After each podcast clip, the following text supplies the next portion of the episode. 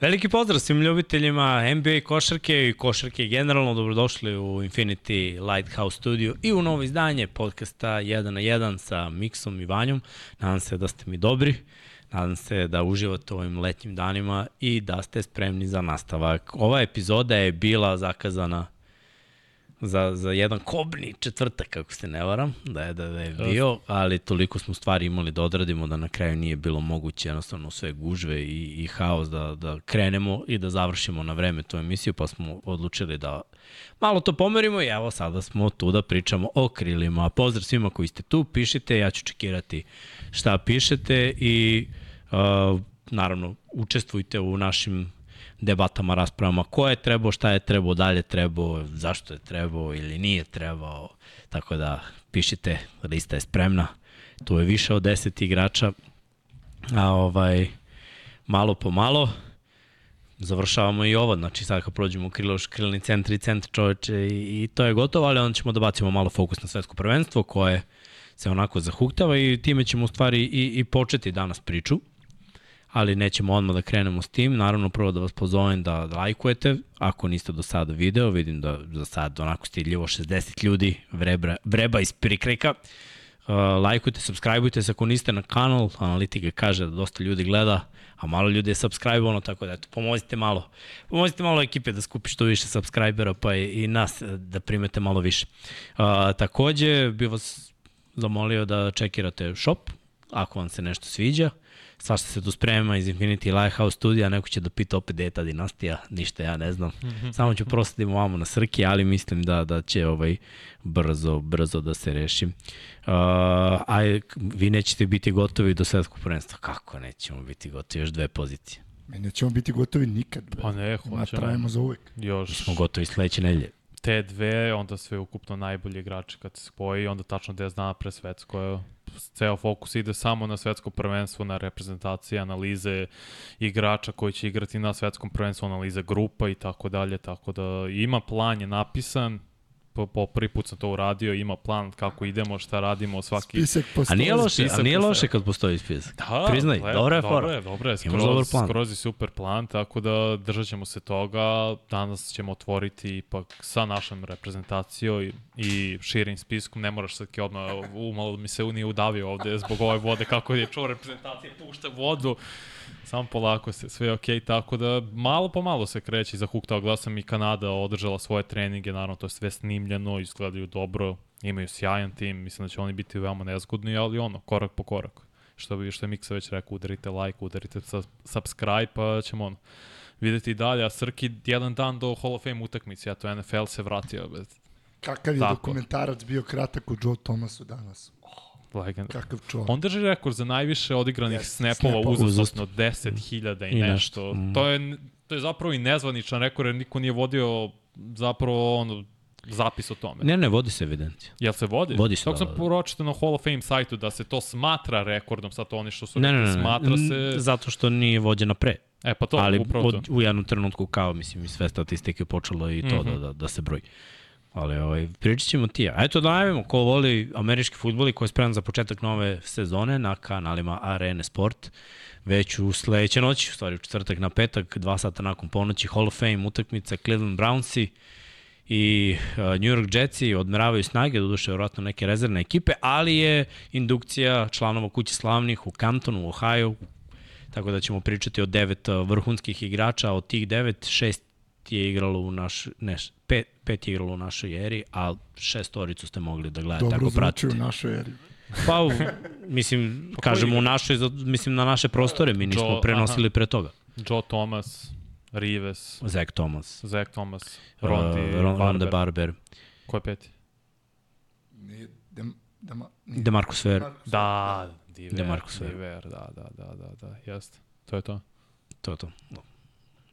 Tako da ono, nije malo. Nije, lepo je ono, doći do tog trenutka da igrači koji si gledao nekad, koji si igrači? navijao, oni konačno ono ulaze u kuću slavnih. Tako da, eto. Pričat ćemo o tome. Ljudi pitaju da li je Pippen zadnja faca na, na thumbnailu, jeste. Zahvalite se virtualnoj inteligenciji koja tako vidi Scottija Pippena, ali dobro. Svakako, Scotty legenda. Pre nekoliko podcasta neko komentari su građu Scottija Pippena da je jedno od najsavršenijih ikada i moram da priznam da meni je Jordan onako bolji, ali ne bi, ne bi mi smetalo. Carmelon. Ne bi mi smetalo. Carmelon no, mnogo jak. Srki. Mnogo je. Pa, To je, to je, to je za drvostiče ko što si ti. Samo ti fali karena koškanica jedna i Imaš sigurno. Imaš spremanje. sigurno crveno karino, Da. da. već znam da imaš. spremanje za, za cecin drugi spot idi dok si mlad. Ja ne znam ko je bio prvi, ali. Bi, ti si, ti, no, on se nije ni rodio. Znaš, nije se ni rodio tad. E, Haos. Dobro, dobro. Pišu ovde ljudi. Svašta pozdravljaju nas, hvala ljudi na pozdravima i ajde ovaj polako ali sigurno da mi krenemo u priču. O Vanja želi da krene reprezentacijom, tako da Srki, pusti taj širi spisak reprezentacije. Izvoli Vanja, kako ti se ovo čini? Da li vidiš... Ajde prvo, Pa, koje su nam pa da. ambicije sa ovakvim sastavom? Kako ocenjuješ izostanak nekih imena? Daj prvo pročitamo za sve ljude koji slušaju na audio platformama. Stefan Jović, Ognjen Jaramas, Filip Petrušev, Aleksej Pokuševski, Aleksa Radanov, Nikola Topić, Nemanja Nedović, Aleksa Vramović, Boriša Simanić, Uroš Trifunović, Dušan Beslać, Nikola Milutinov, Dejan Davidovac, to sam naručio, od, naučio od Kuzme, Tako je i treba. Tako. Dušan Ristić, Vanja Marinković, Nikola Jović, Ognjen Dobrić, Bogdan Bogdanović, Marko Gudurić i Alen Smajlagić. Iskreno, sa ovakvom reprezentacijom inače nedostaju i Vasilije Micić, Nikola Jokić, Bjelica, Lučić, Kalinić, uh, uh, Mitrović, mislim da sam možda još nekog zaboravio tu, ali to su glavnih 6-7 igrača koji neće igrati sigurno na svetskom prvenstvu. Pokuševski, kažu, ne igra, povredio. Pokuševski je zvanično, a bilo je vesti prethodnih nekoliko dana, nisam stvarno stigao sve da, po, da pohvatam, ali sa ovakvom reprezentacijom mi Pa ja ne znam da li je cilj samo da se kvalifikujemo direktno za olimpijske igre, jer drugačije borba za medalju meni trenutno ne delo, ne delo realno. Kažu da je i Jaramos, verovatno. Ja, to sam pročitao danas, tako da sve, neću reći iz gore u lošije, ali opet. Nije ovo, dobar je tim, ali nije za medalju. I realno nije ni za kvalifikaciju, to je da se direktno kvalifikuješ za olimpijske igre. Ba- Bukvalno sam pre, Srkiju pre pet minuta objašnjavao. Sedam reprezentacija, samo lepo da postavim, sedam reprezentacija direktno kvalifikuje sa ovog svetskog prvenstva. Ali kako se to deli, deli se da od tih sedam dve reprezentacije iz Evrope, dve iz Amerika, južna, severna, jedna Afrika, jedna Azija jedna Okeanija, što znači Australija skoro sigurno ide automatski dalje, što dalje znači da mi moramo da budemo među dve najbolje evropske reprezentacije na ovom svetskom prvenstvu. Ja mislim da mi to ne možemo sa ovom reprezentacijom da bude. Ili da budemo u top 3, a da budu ispred nas Francuzi koji su naravno već direktno obezbedili olimpijske igre, jer su naravno i domaćini, jer se održava u Parizu. Tako da će biti stvarno teška borba, Bogdan je izabran kao novi kapiten ove re- reprezentacije, ali će stvarno biti teška borba da se izbori da se izbore olimpijske igre direktno. Mo, sledeće godine se održavaju kvalifikacije, kao svaki put što se dešava i maltene svi su već sa, koji igraju na svetskom prvenstvu obezbedili učešće na tim kvalifikacijama, igra se prekvalifikacioni turnir sad, mislim da je od 10. do 22. avgusta za reprezentacije koje nisu to uradile, tako da da li je realno da uđemo u polufinale? Mislim da nije sa ovom reprezentacijom. Mislim, možda mislim da je to cilj da se uđe u polufinale, da se obezbedi tako, da se obezbede tako olimpijske igre, ali mislim da je domet u četvrt finale i to zato što nam se grupe poklapaju, jer se ukrštamo sa slabijom grupom i imamo malo slabiji put u, do samog četvrt finala nego tipa donji deo Kostura gde su stvarno grupe i brutalni i kako se ukrštaju, bit će vrlo zabavno gledati to. Imamo pitanje, ja nisam ovaj ispratio da li se Savez oglasio ili koja je priča vezana za to, ali pitanje je Uh -huh. Uh, da li brine što se Savez ne oglašava. Pa koliko ja znam, mislim imao je preskonferenciju Pešić. Zašto Njega treba sam tačno čuo, da, za, za, zašto je... On je-. Da, on je pričao zašto ko ne ide, rekao je da je vodio razgovor i sa Jokićem i sa Vasom i da prosto Vasa prvo je imao, bio, imao treninge sa Oklahoma City Thunderima, povredio se, opet je nešto ramen, povredio bio čitave sezone, malte ne povređen, igrao s povredama, hoće da se oporavi. Jokić verovatno je umoran, igrao do malte ne jula, kasnog juna, ne želi da igra, ok. Sa svima je Pešić vodio konverzacije. Sad ne znam šta treba Savez tačno da uradi i da li on, mislim da su možda čak i Savez imao zvanično objašnjenje, zvanično kao uh, saop, saopštenje, pardon, Ne verujem da postoje da će oni navesti razloge Jokić ne igra zbog toga i toga. To sigurno nije. Ma da, ma toga nema nikad. To nema Mislim, ja bih volio da vidim ove momke, da se sklopi ta, taj neki tim pa da vidim ovaj, kako, kako deluju. Znaš, ništa mi ne znači ovo, skup imena, skup imena ne mora ništa da ti kažem. Nekad i malo manje zvučne imena mogu, mogu da budu jako dobro na terenu zajedno. Da, prve utakmice su sad 16. čini mi se augusta. Gostovanje dolazi Porto Riko u, u areni. Možda ću ići to da gledam, da vidim šta, kako, posle se ide u kinu, igra se sa njima, tako da ćemo vidjeti, igraće se i sa Bosnom i Poljskom u Podgorici i sa Crnogorom, naravno. Tako Kako? da ćemo vidjeti. Pa to A, je pre 16. Ja mislim sa Crnom Gorom neće zato što nisu uspeli da obezbede halu. Pa znači neće se igrati uopšte u ne, Podgorici. Ne, ne, pa, on, oni, ne, oni su im ponudili bar, ali je naša delegacija Ha, odbila. dobro, okej, ne znam onda šta je to. To su odmah tri utakmice manje, sem ako ne smisli neko novo rešenje da Bosna i Hercegovina i Poljska igraju, ne znam, u Spencu ili gde god već da se održavaju ti p- te pripremne utakmice zato što su neophodne, jer je ovaj novi sastav, dosta novih imena, treba Ej, da pa se gledaj, uigra to. nemoj da me shvatiš pogrešno, ali da je bio sastav s ovim igračima koji si nabrao da su izostajali i dalje bi to trebalo da se uigra. Mm Mhm. Jer ono što mi nemamo je taj neki kontinuitet odaziva. Znaš, ko nekad ti si otprilike znao kostur Tako i znao si da imaš osam igrača ili lupam, sedam, neki bilo konstantnih uvek tu. Koji su osnova I zapravo. onda ove druge dodaš i on, znaš, ko se najviše dokaže, ko ima dobru sezonu, ko najviše grize na kampu, ko se najbolje uklapa u repku u tim, mm. -hmm. u timsku energiju, ono, timski duh itd. itd. Ti sada nemaš kostur. Znači, mi gradimo u principu Iznova. iznova, tako je. Znači, ni temeljni udare, ništa. Jeste, I, slaže se. Tako da je apsolutno sve jedno, znaš. I, I da je bio tu Jokić i da je bio Vasa, svakako bi opet morao sve ove igrače koji nisu igrali s njima nikada ili igrali jednom, gledaj, i da su igrali tri puta ili da su prošli jedno prvenstvo, opet Da. da. nije dovoljno. Jer su oni uspesi dolazili zato što su te generacije igrale mnogo, mnogo, mnogo zajedno. Ne, slažem se i problem je to što je tada reprezentacija služila da ti napraviš ime za sebe da bi došao do većih klubova u Evropi, eventualno NBA, ali to više nije slučaj. Pa nije. Sada ne moraš. I sad je dosta igrača gleda na reprezentaciju kao dodatni napor.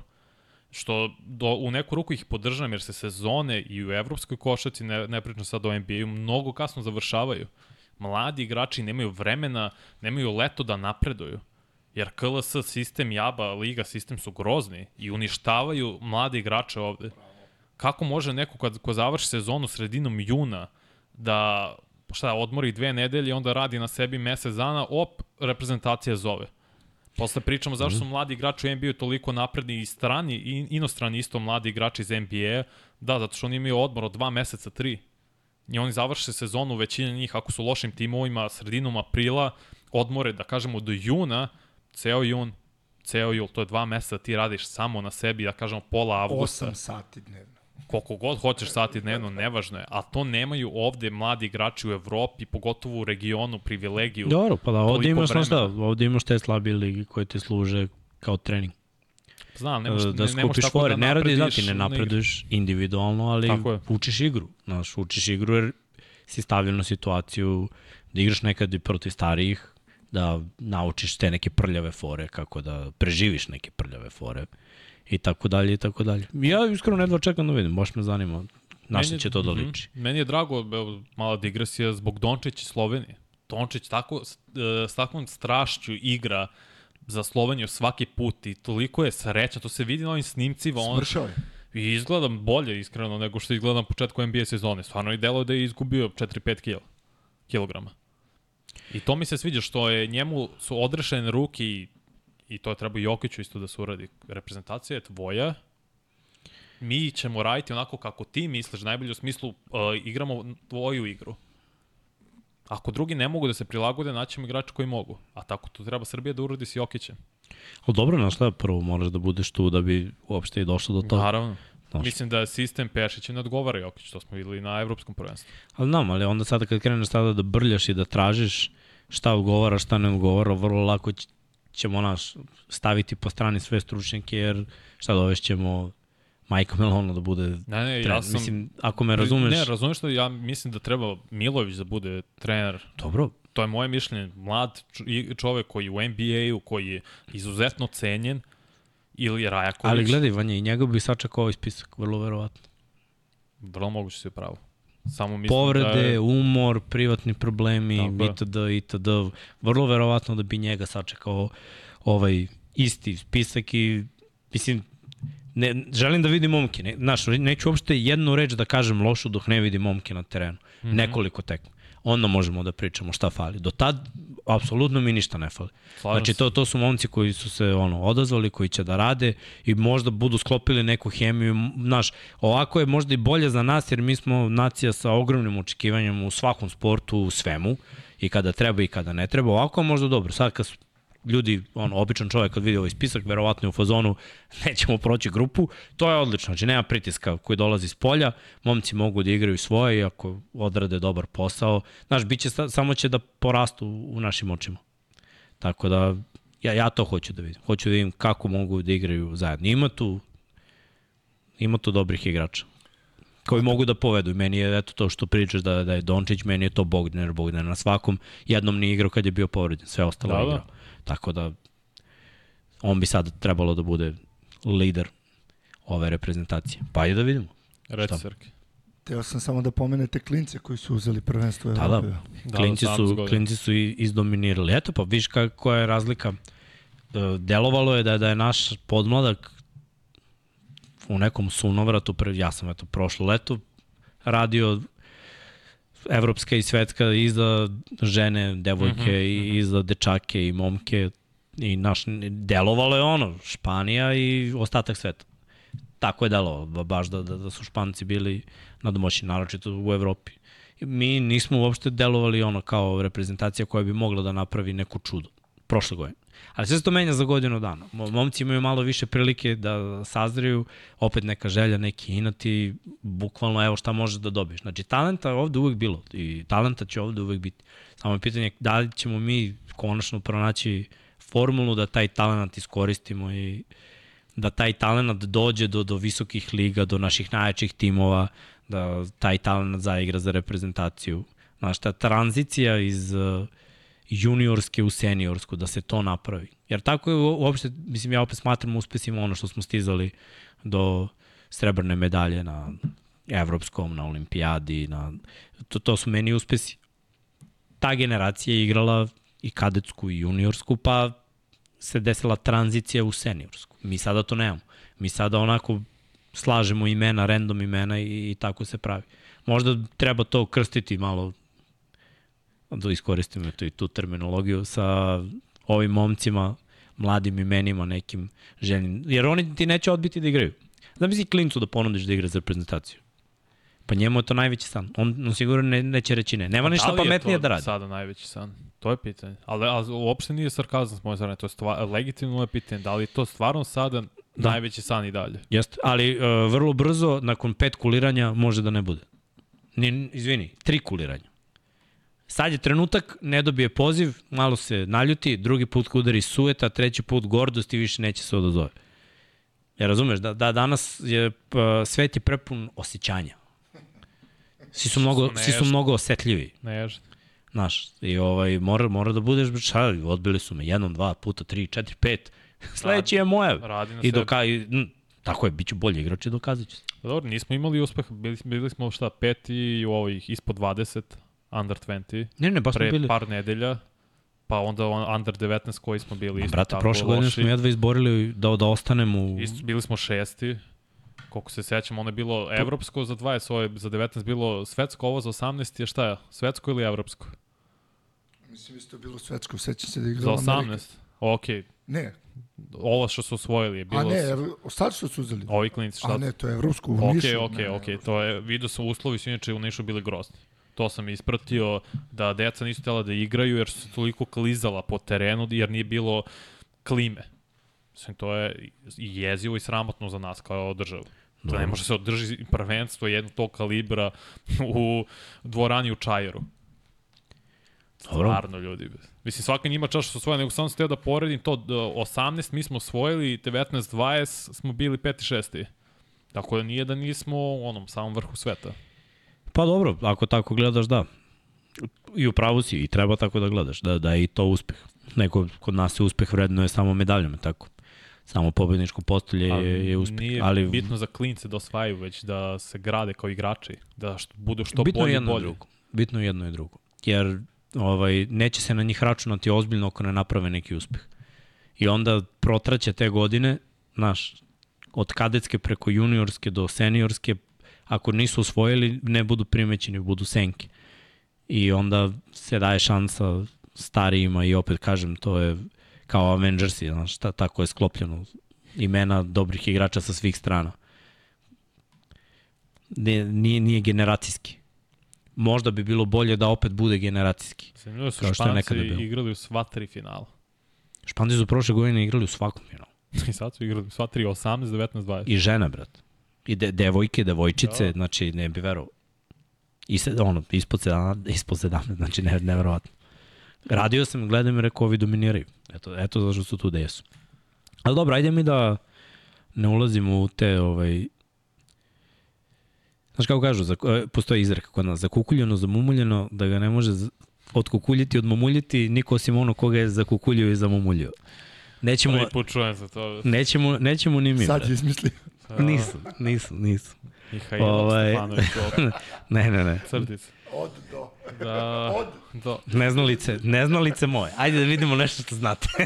Ja, hit. Srki, možemo da dobijemo jedan potpis kao najavu onoga o čemu ćemo pričati, a to su najveća krila u istoriji NBA lige. Znači small forward, znači pozicija 3, znači Tako. krilo, Znači, kril. ali al ne klasičan wingman. Uh, Vanja je napravio svoj spisak kao i za svaku poziciju, prošli smo već playmakere, prošli smo bekove šutere, pa ajde malo da analiziramo i najbolja, najveća krila u istoriji NBA lige. Uh, koliko je bilo teško, Preteško. Od 9. do 11. možda ako računamo i 8. ne, ali od 9. do 11. je baš bilo preteško. Jer provalio sam da skoro svaki igrač u top 10 je osvojio titulu i bio drugi ili prvi najbolji igrač. Jedini koji nije bio naravno Elgin Baylor koji ipak je jedan od najvećih igrača ikada i sam je spasio Lakers od toga da ono, ne, ne bankrotiraju da njega nisu draftovali Lakersi nakon što je Mikan otišao u penziju su bili najgori tim, najgora franšiza i tadašnji vlasnik Lakers rekao ja sam bio spreman da bankrotiram, prodam tim i to je to. Eto vidiš kako je jedan dobar potez. Mislim, Da. nekada, nekada su igrači bili, baš evo kad budemo radili sutra, imat ćemo primjer igrača koji je bio pro bowler na endu, Sutra. sa, dva, sa 20 Kleko. seko kleko i oni ga mrdnu na tekla i on kaže ok, Može. oni ga mrdnu na novu, nose. brate, znači on trpi bre njegov, ono, On je može da propasti istoriji NFL-a koji pro sve bowler tri... na tri, ali ni- nije morao, znaš, da. Da. bude pro bowler na tri, nego je liko je bio da, ako ti mu treba, ja ću stanem tamo, recite da treba stanem, ja ću stanem. Tako da, ovaj, Da, to sam čitao pre neki dan baš kad sam gledao ove igrače koji su izvanično izabrani za kuću slavnih u NFL-u, šta su sve postigli i to je neverovatno. Mislim, on je imao čovek predvodio Jetsu u sekovima pre nego što su zvanični sekovi bili ono, ubačeni u statistiku, krenuli da se broje. Sad ne znam kad je draftovan, 78. taj neki fazu, no eto, naučiš nešto svaki dan. Nešto Ajmo- novo svaki dan. da, ajmo, ajmo da krenemo polako, ali sigurno. Ajmo. polako, ali sigurno. Srki, pozicija broj 10, Paul Pierce. Nisam Istina. došao, nisam došao u dresu Paula Pierce-a. To se teo kažem. Gde? Da, šteta. Nisam znao da je na listi. Inače bi ovde umesto Lerija stajao Paul, ali dobro. Ovaj, ajde da kažemo jedna karijera koja je delovala da će biti završena u jednom timu od eh, početka karijere u Bostonu. Nije baš sa Antonom Walkerom to bilo idealno, iako su imali individualno uspehe. Bili su priznati, mislim. Pa bili su I all-star jedan i igrači, drugi, jedan tako drugi. je. Uh, nakon toga, godinama, neki prosek, bilo je godina kada nisu ni ulazili u play-off zapravo, dok se nije oformila ta velika trojka, kako ja zovem, pojačana malo još nekim igračima, ali definitivno Ray Allen, Paul Pierce, Kevin Garnett, napravili su tim, napravili su razliku i uspeli su da se domognu prstena, to je na kraju jedan jedini koji Paul Pierce ima. Ovde vidite njegovu individualnu statistiku kroz karijeru, ako ne vidite, pročitaću, jedan put je bio NBA šampion, dva puta učesnik NBA finala, oba puta se igralo protiv Lakersa, jedan put je bio MVP NBA finala, deset puta NBA All-Star i četiri puta All-NBA tim. Tako da, kada pogledam ovako individualnu statistiku, zanima me koji drugi igrači su ti dolazili u obzir da uđu na ovu listu, jer po mišljenjima mnogih, ko uzmemo broj 3, mm. onako možda nema mesta za, za, za Paula Pierce. Opet mi, ja kažem, ja kao neko ko je gledao najviše počeo 90. i 2000. To, to je generacija za koju sam se ja posebno vezao, pa mogu da kažem da je Paul Pierce stvarno imao svoje momente zašto verujem da, da bi mogao da, da bude u, u top 10 na svačoj listi. Ali eto, reci mi ti zašto je top 10 na tvoj i ko su bili igrači oko kojih si se dvoumio, da li oni ili Paul Pierce?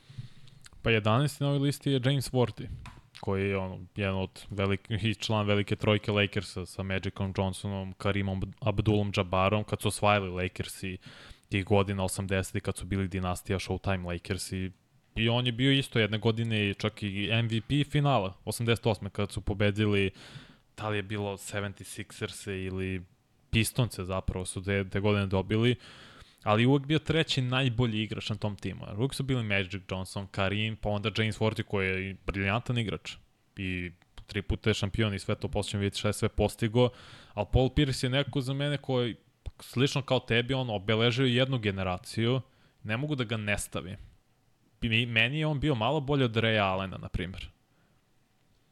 Održao je te Celticse relevantnim toliki godina unazad gde nisu bili dobri. On je jedini bio tu, stvarno, kad pomisliš Paul Pierce, pomisliš Celtics ili obrnuto, tih godina. Znalo se, mislim, prvo, pre svega bio brutalan ofanzivni igrač. Igraju u svom ritmu, nešto na, nalik Dončiću sada, ne o, na ovom nivou, naravno. Ali to je taj ritam. Nije on previše brz, prevelik atleta, ali to ubaci u svoj ritam, pa te izmori, pa nekako je toliko jak fizički kad uđe u tebe rameno, oduvate, ti ne možeš dovoljno brzo se podigneš da mu izblokiraš šut, dobar za 3 poena, dobar u reketu, dobar i sa pol distanci, stvarno je bio vrlo, vrlo kvalitetan igrač. Ono što on nije bio nikad u svojoj karijeri, što je na, samo na mestu broj 10, jeste nikad nije bio smatran za top 5 igračom u svojoj eri. Bilo, Bilo je jako teško u toj eri biti top 5. Tako naš. je, mora se da budeš, mora se da budeš izvrstan Ofanzivno. O tome ti pričam. On je bio izvrstan defanzivno, znači mora da bude izvrstan okay. ofanzivno, da. a ofanzivno su već vladali ne, neki ono, vanzemaljci u ligi. On je posle, kad je dobio, naravno, Garneta, Alena, odmah prve godine finale titula, 2009. što dosta ljudi zaboravlja, Garnet je bio povređen taj playoff. On je igrao 2009. playoff i zato su oni ispali u drugoj rundi od Magica u sedam utakmica. Te Garnet bio zdrav, verujem da bi opet igrali finale. Možda bi imali ono, tri godine za redom finalu Lakers i Boston. Možda bi to podiglo Pirsa, ko zna da li bi osvojili ponovo, sve su to različiti situacije i šta bi bilo kad bi bilo, naravno. Ali kad mu se ukazala prilika, znači njemu je falio jedan Garnet i nisu mogli proći drugu rundu. I to je malo minus za Pirsa. Opet to je već bilo ono 10. 11. godina u NBA-u, sve razumem. Rondo se pojavio kao all-star playmaker naredne godine 2010. Tu je Realen koji je taj playoff dao 51 poen Bullsima. Neka neće zboriti taj meč, to je bilo ono prelepo videti i svaki šut ulazi bez koske, malte ne. Semi-automatik. Da, da, ali nakon toga, nakon što nisu uspeli da opet izbace, kad, se, kad je Miami oformio veliku trojku, bili su oni na korak NBA finala 2012. Ali Lebron, on utakmica broj 6, zatvori ih u TD Gardenu, vratili su Miami, ćao zdravo. To je bilo neko posljednja prilika za taj, za to jezgro Celticsa da uzmu titul. Bili su na korak, ali neko Pierce, kao Pierce nikad nije mogao sam da vodi svoj tim do finala konferencija. On nije bre, do ponekad mogao da vodi ekipu do play-offa. Tako Ako ćemo tako baš. Uh, Brooklyn, cela epizoda. Ta godina sklopili na boom team on, Deron Williams, Joe Johnson, Garnett, Brook Lopez, to mislim pet igrača koji su on all-star igrači. Ali ni ne možeš na godinu dana to da sklo... I plus matori su već bili. Nije bilo loše. Pa bilo je lepo. Delo je vidio i kad iznenade. Mi onda naletali na Miami i bilo... onda nisu iznenadili. Matorci, čao, mislim, tada dobro, Joe Johnson je bio stari igrač, Deron Williams trebao je da bude nekom svom zenitu, Brook Lopez je i da li se pronalazio kao centar ako bio te godine All-Star igrač ili godinu dana pre toga. Nije se desilo, ali prekasno su oformila ta velika trojka. Već su svi bili u, u veliku svojim karijerama i izlazili iz svojih najboljih godina. Dobro, ajde, videli smo sve vezano za Paula Pirsa, rekao si kako si razmišljao i ko bi eventualno mogao umesto njega da uđe u top 10, a Srki, ajde da vidimo onda ko je na broju 9 i zašto je taj neko Rick Barry. ispred Paula Pirsa. Jedina razlika u tome što je Rick Barry ispred Pirsa jeste što je Rick Barry bio smatran tada top 5 igračom i on je samo s jednim all-star igračem koji ljudi ne pamte realno ko je, odveo tada Warriors do titule. Minus za Rika Bere jeste što je on to, uh, prvi deo svoje karijere proveo u ABA ligi. Da, ABA. ABA. Da nazovemo je tako. Prvo igrao Tako tri... se zove. Pa znam, znam te. Kao lik. Šalim se. A, prve tri godine bio u NBA, pa otišao u ABA, pa se vratio u NBA i odmah kad se vratio su uzeli, uzeli titul s Warriorsima. I dva puta igrao finale, bio MVP tog finala, o, o, pet puta bio, to jest osam puta bio NBA All-Star igrač, bio i četiri puta ABA All-Star igrač. Znači da je on igrao sve vreme NBA, možda bio i više na listi, ali ja cenim tu je njegovu jednu titulu sa manje pomoći nego Garnetu, jer Gar, Garnetu, pardon, Pirsu. Jer Pierce imao pored njega dvojicu igrača koji su top 10 na svojim pozicijama. A Rick Barry nije imao. Mislim, bio tu Nate Turman koji nije, možda se smatrao nekada top 10 centrum, sada nije. Ali sad ako može neko u komentarima da mi napiše ko je bio taj all-star igrač sve godine koji je igrao sa Rickom Berryem, ne znam šta da možemo poklonimo majicu, mislim bez googlanja naravno, ali ne, ne znam. Mislim. Ide Google, radi Google. Ne, realno, realno priča je, da, znaš, sad ulazimo u ove le, leg, legendarni igrače.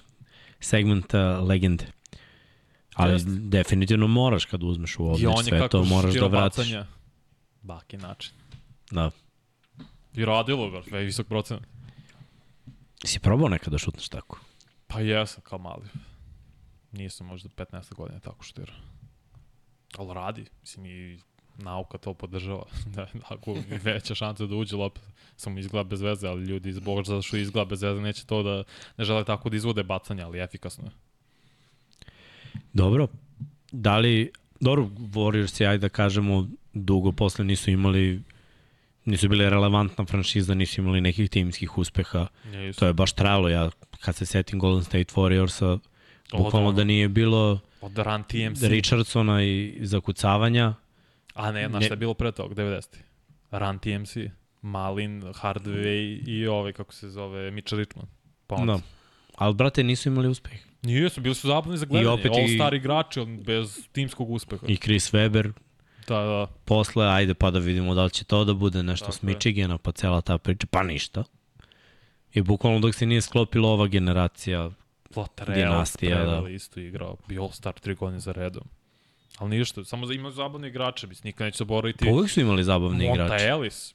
Pff, kakva igračina. Uvek su imali zabavni Kakva igrači, samo igračina. ništa to nije bilo... Nije, nisu mogli sklope tim. Tako da, eto, respekt za Rika Berija koji je maltene u solo režiji to odradio. To je to. to između njih trojice se dvomio. Da je Rick Barry, Pierce i James Worthy. I Dobro. Svi imaju titul i svi su fi, bili MVP Final. finalne serije. To dosta znači kad gledaju kad pričamo o najvećim igračima. Nisi mogu da uđeš na ovu listu da nemaš titul. Nisi mogu top 11 da nemaš NBA titul, nemaš prsten. I da Joe nisi- Flacco je bio MVP. Super. A to, e, to, to je Joe Flacco bio elitan jedan play-off, bacio 13 touchdown dodavanja e, za tri utakmice, što mu čast, ili četiri utakmice, koliko pa kao, Tri ili četiri? četiri bre wild card. Je da, četiri. O, svako brate. Da, to je. Ono ti prsne, šta hoćeš? A? Ono ti prsne, šta hoćeš? Da, Enquan Boldin London je ušao u- A? ove godine kao Hall of Fame. Ko? Enquan Boldin. Biće. Samo je pitanje kad. Pa dobro, ko, zar nije aj, ovaj, Isaac Bruce isto nije, Da, da, ali mislim, ko ima bolju karijeru? Enquan Boldin. Jel da? Pa ne. Imao je rekord kao ruki u Arizoni, Da, igrao je Super Bowl sa Arizonom, bio je ono vrhunski igrač u Arizoni, pa u Baltimoru, pa posle u San Francisco. Petak. Dobro, to pet. I mnogo bolje bloker. Ne, petak već. Mnogo, mnogo bolje bloker. Možda je ono najboljih ikada. No, Lik bre, to je igra linebacker, mislim, čemu pričam. A dobro, da. Oni imamo, imamo definiciju. Uh, ajde, ajmo dalje. Idemo na poziciju broj 8. Ne vidimo kamere. A, Scottie Pippen. Uh, sad će, da, sad će paljba. sad će paljba po vanji. Scottie Pippen na poziciji broj 8. Da. Brat. Šampion šest puta. Da. Učesnik. NBA finala šest puta. Stavio si ga na poziciju broj 8 samo zato što bez Jordana nije ništa uradio. Pa i to je glavni razlog. I kad je imao priliku da uradi, nisu uradili Bullsi ništa. Nisu ušli u finale istoka tad, zar ne? I kad smatram, gledam Pipena, mislim, defanzivno, ne, možda je jedino Kawhi Leonard. Nesta, da, Srki? Nesta. I su ugasio TV. Ništa, vratio se. I tamo i iza TV nešto mm. strano. Ako smatramo defanzivno, možda uz Kavaja Leonarda, možda i on najbolji defanzivni igrač, on spoljni ikada. To je Paul Pierce, to je, izvini, Scottie Pippen. Ali ista priča kao za Pierce slična zapravo. Mislim da Pippen nikad nije bio top 5 igrač u svojoj eri. Uh. Nije, pa Michael, Jordan, Hakim, Pa ne, ne, ne, ne, ne, zato što manje... Shaq, Znaš koja je razlika? Carmelone, i imao si Charles Barkleya, Charlesa Barkleya, pardon. Ali ti gledaš sad samo ofenzivno, ali tako? Gledam kompletno. Nije bilo... Jer gledaj, Pierce nije mogao da bude, nije elitan defanzivac, a okay. dobar je ofanzivac. Ovo je ovaj, obrnuta situacija. Ovo je bio elitni defanzivac. Ali u napadu nije bio... Nije. Nije. Činjenica, ali je bio elitan bar u jednom yes. segmentu. Jer lakše biti sorry, lakše. Nije lakše, nego toliko ima elitnih ofanzivaca da ti ako želiš e, da budeš elitni ofanzivac, stvarno moraš da radiš mnogo. A da budeš elitni defanzivac, da igraš odbranu, za početak. Tako je. I ako ti Bog da ko što je dao Skotiju, to razumeš, je. i Kavaju, ti samo treba malo da se potrudiš i eto, op, odmah si u top 3 defanzivca u ligi, da se ne. Tako da izabrao je pravi put. Ali, Vjerojatno ovaj... mi da nikad nije bio proglašen za defanzivni igračan godine, Scottie Pippen. To mi je... Pa, malo su, malo su u toj eri bili, a da nisu centri. Bio je Michael, I da nije Michael. I bio je Gary Michael Payton. je bio sve moguće. Gary Payton Dennis je... Rodman je bio, nije centar. Pa dobro, visok igrač. Pa dobro što ima Zato što skakač, skakač i bloker. Pa da, da. Ajde tako da definiš. Okay. Više to. Mislim da nije Pippen... Bekovi kradljivci, pritisak na lopti. Mislim, u onoj eri kako braniš trojku. Niski post, lopta, mislim, banje više Kapiram. Nije bilo mnogo prostora. Više ti izmami ono, wow, banana, 10 skokova plus ovaj imao bre Rodman imao statistiku 0 poena 20 skokova. Znači, razumeš? Znači, imao je takve tekme lik. Ka, šta, će, I šta ćeš da kaže? Ti si došao, gledaš njega kako skače, nisi krade lopte, baca se, uleće u aut. Razumeš? Zato je ovaj bio, ali... Vodio je Pippen jednom ligu u kradenim loptama, ali kažem, nije opet, to je moj subjektivni pogled na to. Tri puta je bio prvi tim. Osam puta je bio defansivni prvi tim. Ne, ne, ne, ali general. Če, u prvoj petorci? Da, da. Da, da, prvo... tri puta je bio da, u prvoj petorci. Tako Mislim, je. ako si tri puta bio u prvoj petorci... Pa dobro, to su po poziciji, nije to pet najboljih igrača. Ali, brate, bio u jednom trenutku krilo. je bio najbolje krilo u ligi. Je, bio je... Jel tako? Nije bilo bolje krilnog igrača nije od bilo. Pipena sad razmišljam, nije u bilo. U toj eri, znači on je u toj eri. Bio i Chris Mali, postavio je lestvicu na, odred, znaš, na određenu visinu. Jeste, i... a nije mi bio bolji od Karla Melona, ovog Šeka, Barklija, Jordana, Hakima, Patrika Ewinga. Mislim, Ewing je držao Nikse ono, odvih u finala. Jedan Patrick Ewing koji je imao je svoju priliku da uzme Pippen sam kad te godine 94. Jordan je otišao u penziju i tad su Bulls i on ima priliku. Nije se desilo. Sledeće godine se vratio Jordan na pola sezone i ispali su od Orlanda u final konferenciji, čini se bilo. Tomu, jer posle, Dobro, vidim, da, posle otišao u Portland, pokušao je nešto da napravi, naletali su na Lakers. Nije bilo su... loše zapravo. Šta, sa Portland? U Portlandu, Nije, da. ne, ne, ne kažem da je bilo loše. Samo nisu mogli da prevaziđu Lakers koji su i dalje ta bili mladi. Brate, kad sam video u dokumentarcu da je toliko igrača bilo plaćenije od njega. A to je njegova krivica. Dobro, nije njegova krivica, nego je samo želeo veliku porodicu da obezbedi. Mislim, da, da, da ih osigura. Nije, nije toliko verovao u sebe da može da istraje, da ostane zdrav i sve to i da čeka. Jako je napredovao, naš njegov ulazak u ligu bio ono mršavi klinac koji bi mogao da igra odbranu, pa je krenuo, on je i porastao zapravo kad je ušao u ligu. Znači. Ne, zar on nije porastao na koleđu? Na koleđu je brutalno to, porastao, ali je dobio još je, posle da, u da, ligi. Da. I ne samo što je porastao, nego se liki razvio, to stvarno je bio, postao zver u, u ligi. Jer taj, uh mhm. -huh. ja kažemo, početak 90-ih, i kad viš njihovu građu početkom 90-ih i uzmeš tipa 90 91 Dobro. Uporedi sa građom tipa 95 6 7 Koliko su shvatili ozbiljno teretanu? Svi. Znači, okay. tačno vidiš, tu, tu, tu se zrema. U tom trenutku je meni Pippen bio, ono, ne zaostaje. Krene na kucanje, nema blokade tu. Nema, kad Znaš, zakuca preko Pippena, nikad neće zaboraviti, kad je rekao ovom preko Spike Ewinga. Pre, da, izvinim, preko Ewinga, kad je rekao Spike Lee sedi dole. Sicio mm. Rez znao, to bi, jedan najbolji kucanje Tranzicije, ikada. kontre, odbrana, ne znam, ja mislim da, da bi trebalo da bude više. Ali ajde da vidim ostatak liste po mezanju. Mi, znaš, mislim da... Znaš da... ko je pad imao u poenima u igri nakon te poslednje godine sa Bullsima 98. i sledeće godine kad je igrao u Houstonu? Ali Mat, to je već ono, 10 godina karijere. Znam, zato to kažem. Je, to je druga priča. I opet, potrošili su se. Oni su bre izdominirali šest sezona. Tako je, to je nerealno što su radili. Možda bi izdominirali više sezona da, je ovaj, da nije ovaj otišao u penziju. I ti timski uspisi, znaš, da, da li bi, da li ne bi, takav je bio tim, mislim. Nije bio glavni igrač, činjenica, ali opet je bio jedan od najboljih. To je isto kao da kažeš, ono, Durant igra s Karijem, nije doprino, Burazer rešio. Ali nije, Durant je bio bolji u tom timu nego Kari. Možda je ovo i vredniji, ali je bio bolje. I to je bilo, nikad nije, dost, uh, nikad nije bilo pitanje da li je Pippen bio bolji od Jordana. Pa naravno da nije, niko, nije pitanje da li je Iko bio bolji. Ok, to ti priča. Iako je Pippen radio sjajan posao u finalu protiv Lakersa kad je preuzeo Magica Johnsona i on ga je čuvao i realno je zatvorio Magica nek ljudi vrati malo odgledaju te utakmice. Mislim, ja sam gledao, ja nikad naravno nisam bio živ tada, pa sam morao da ogledam reprize. Nisam bio živ. pa da, nisam bio u planu, jel te? Ali, pa odgledaš reprize i bi izbacuo ih NBA, hvala Bogu. Inače, mala digresija, počeo sam kao srđan sa digresijom, neću više toliko. Pogledao sam koliko košta NFL Plus. To je 300 dolara mesečno. Aj ti, pa šta ti daju za te pare? Pa, zato što ja steo da nađem, on, pre su izbacivali na Čekaj, YouTube. NFL Plus. NFL Plus. Šta je to uopšte? Pa, na NFL Plusu ti sad ide ono kao klip od 7-8 minuta ovih top igrača iz top 100, pre su to stavljali na YouTube. Sad da. nema na YouTube. Pa nije, ne, ne, ne, prvo, prvo nikad to nije bilo na YouTube. Jeste, kačio jeste, NFL. Ne, ne, ne, NFL je kačio posljednje 2-3 godine.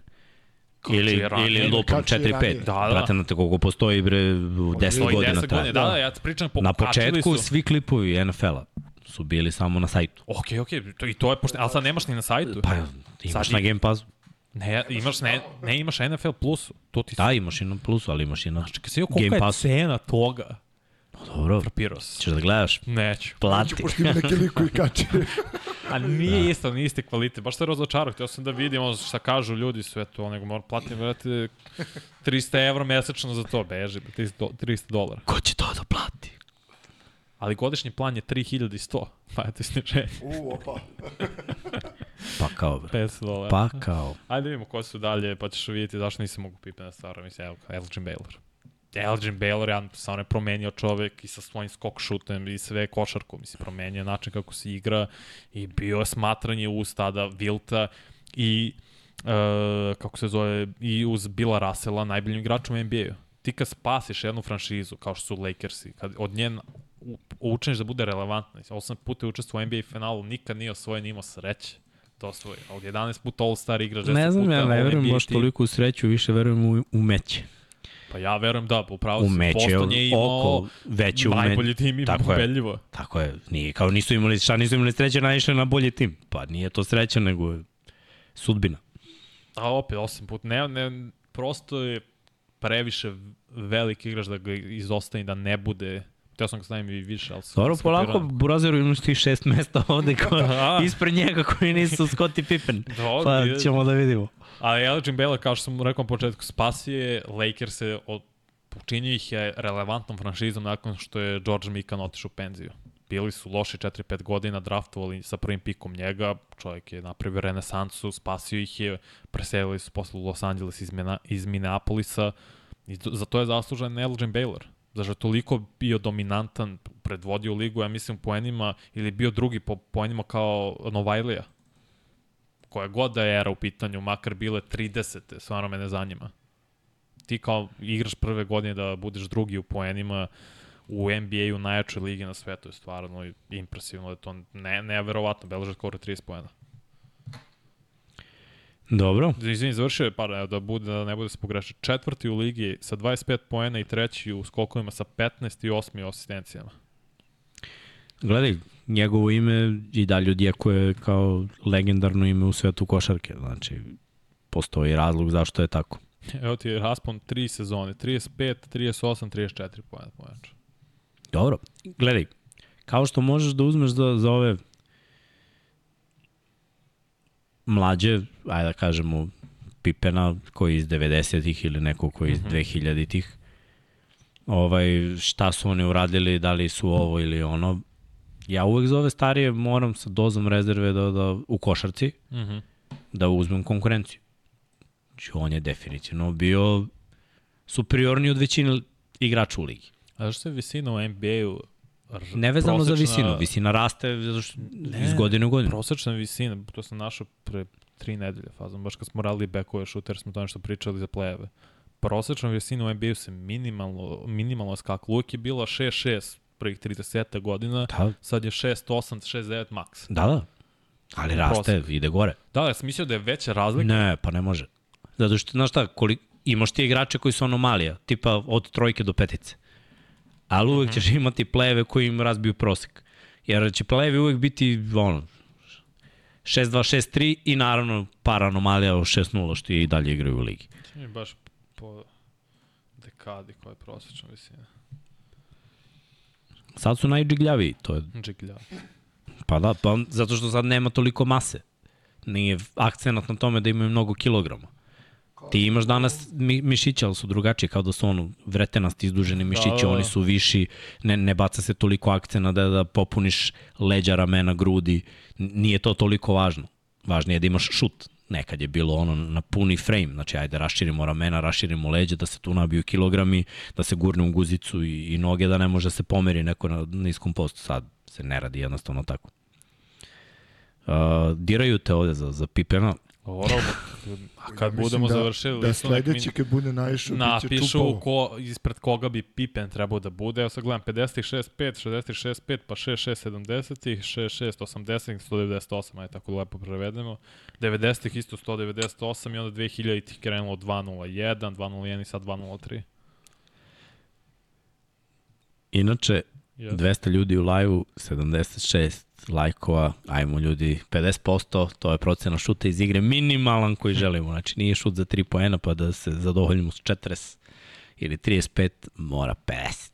Žalim se, ne mora ništa, ali ako hoćete, lagano. Uh, ajmo. Pa ajde.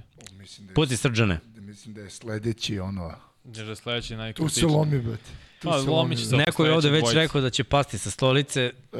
Ko je? Kawhi Leonard, broj 6. Pa padajte stolice. Kawhi Leonard. Dobro, Kawhi On ti je naprednija verzija Pipena. Po... Bolje je ofanzivno mnogo. Nije mnogo, ali je poprilično bolje. Ali opet moraš da podeliš karijeru Kawhi Leonarda na par era. Jer of, što on što je postao ofanzivno... On postao od 2016. Posle, nadalje postao ofanzivno. Trebalo mu je dobrih, brate... 4-5 godina. 5 godina da, da dođe okay, do ovoga. Pippen nikad nije došao do toga što je ovaj ofanzivno. A imao je čitavu karijeru. Sam ne, dva puta NBA šampion, tri puta učestvovao u NBA finalu, dva puta je bio i MVP NBA finala, pet puta All-Star igrač, dva puta je bio defanzivni igrač godine, pet puta u All-NBA timu i bio je sedam puta u defanzivnom timu. I to samo zbog povreda Kawhi Leonard na šestoj poziciji.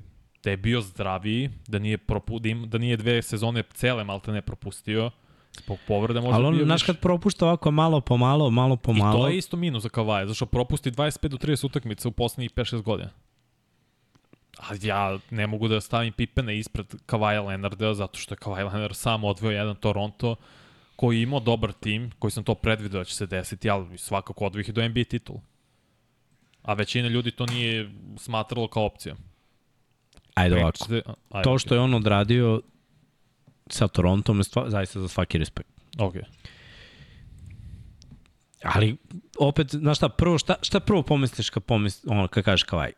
Kad, kad uzmeš u ovdje? Najbolji igrač sa polu distance u današnjem NBA. Ti to pomisliš. Da. Znaš šta ja pomislim? Ok.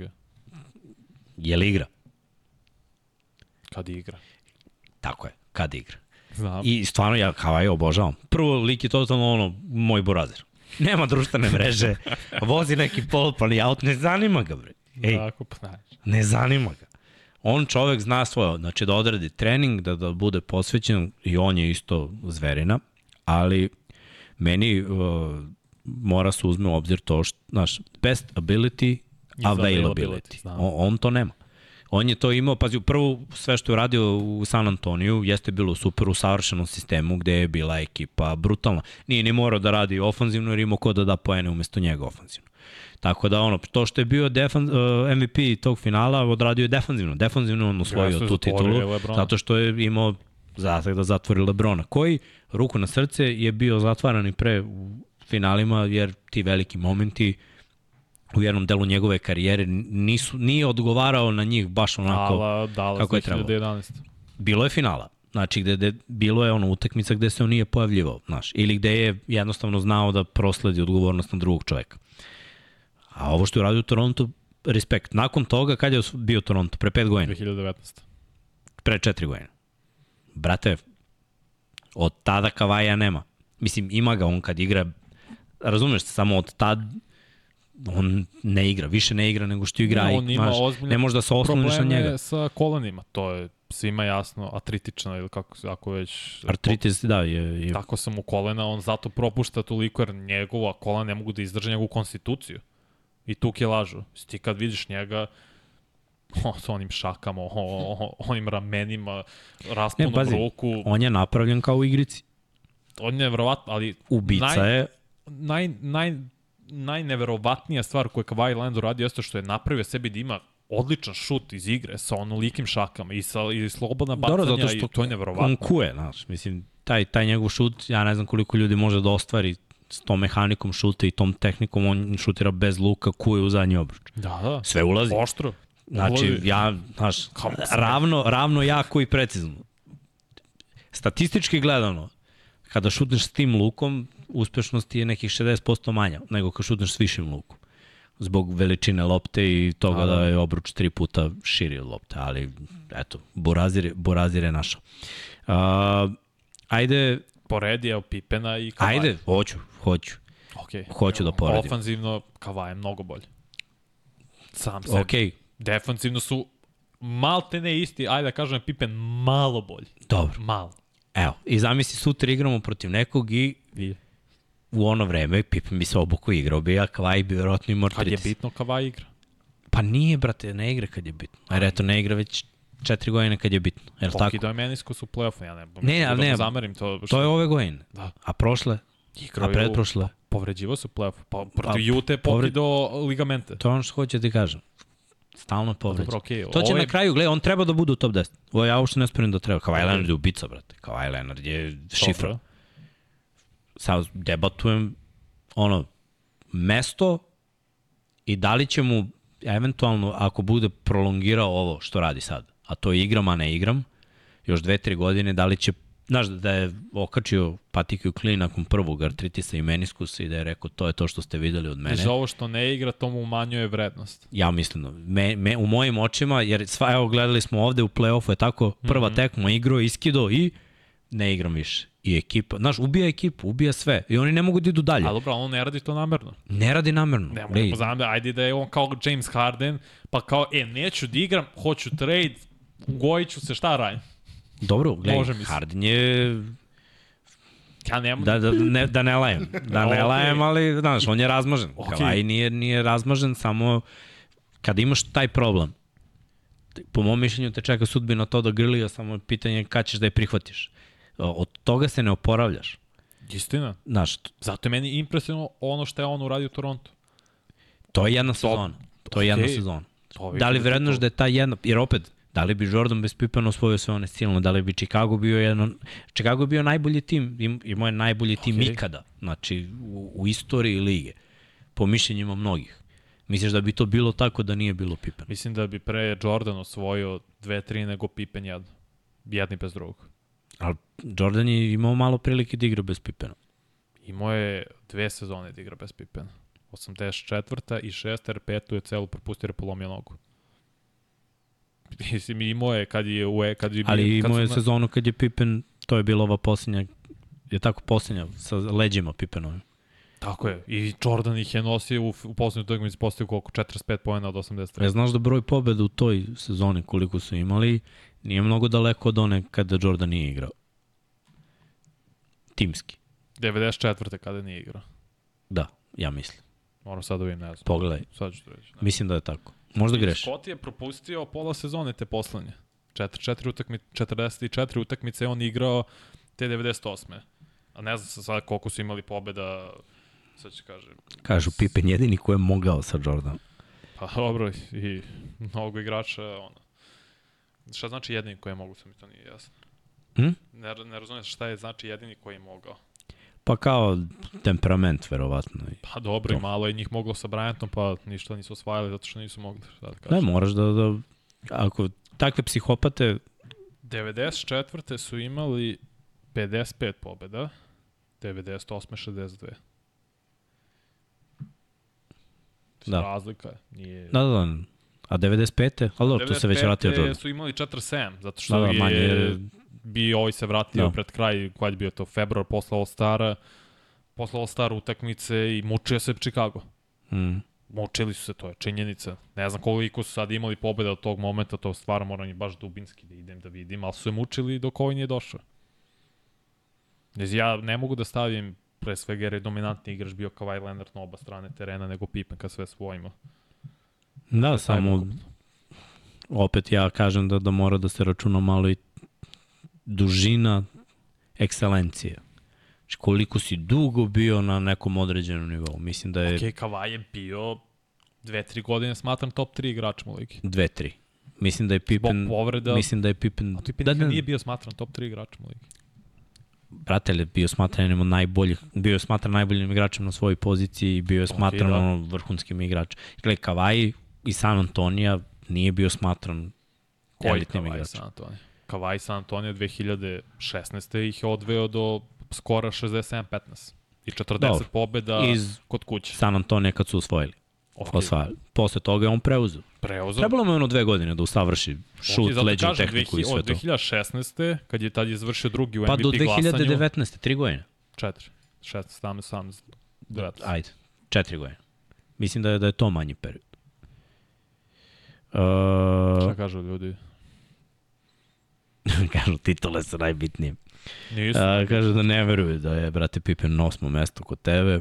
Titule nisu najbitnije. Najbitnije je kakav si, koja je tvoja uloga u timu i koja si i koliko si bio to jest koliko si dobar bio u toj eri. Da li si bio nekad najbolji igrač u toj eri, top 3, top 5 igrač, koliko si doprinao šampionskom timu, koliko imaš individualnih uspeha, uh, ti kao, all, kao all-star igrač, all-NBA igrač, koliko si poena postizao i sve to. Sve se to smatra i zato Kavaj, taj vrhunac je bio više nego Pipenov. A opet je uzo dve titule, kaže, ok, uz jednu sa San Antonijom, poslednji maltene uh, šampionski tim sa, to je sa Duncanom, Tonijem Parkerom i Ginobilijem, sve to stoji. Ali on je posle toga uradio i sa drugim timom.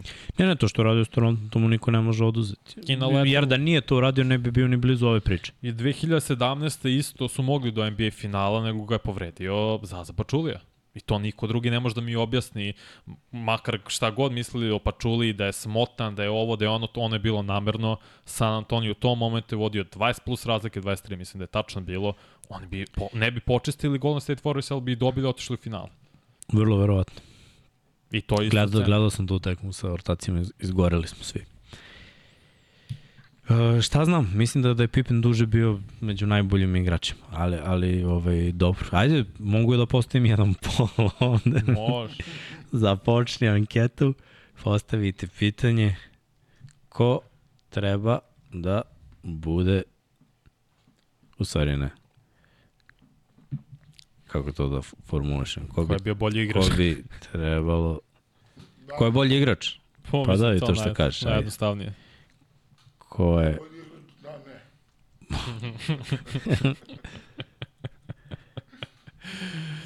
Srki, opet žvaćeš nešto. Da, i ne nudiš nama da jedemo. Kako, ali, znači,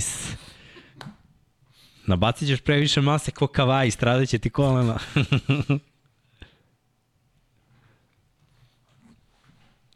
Pitajte zajednicu, klik, otišlo u etar. Ajmo ljudi, pucite. Pa da vidim.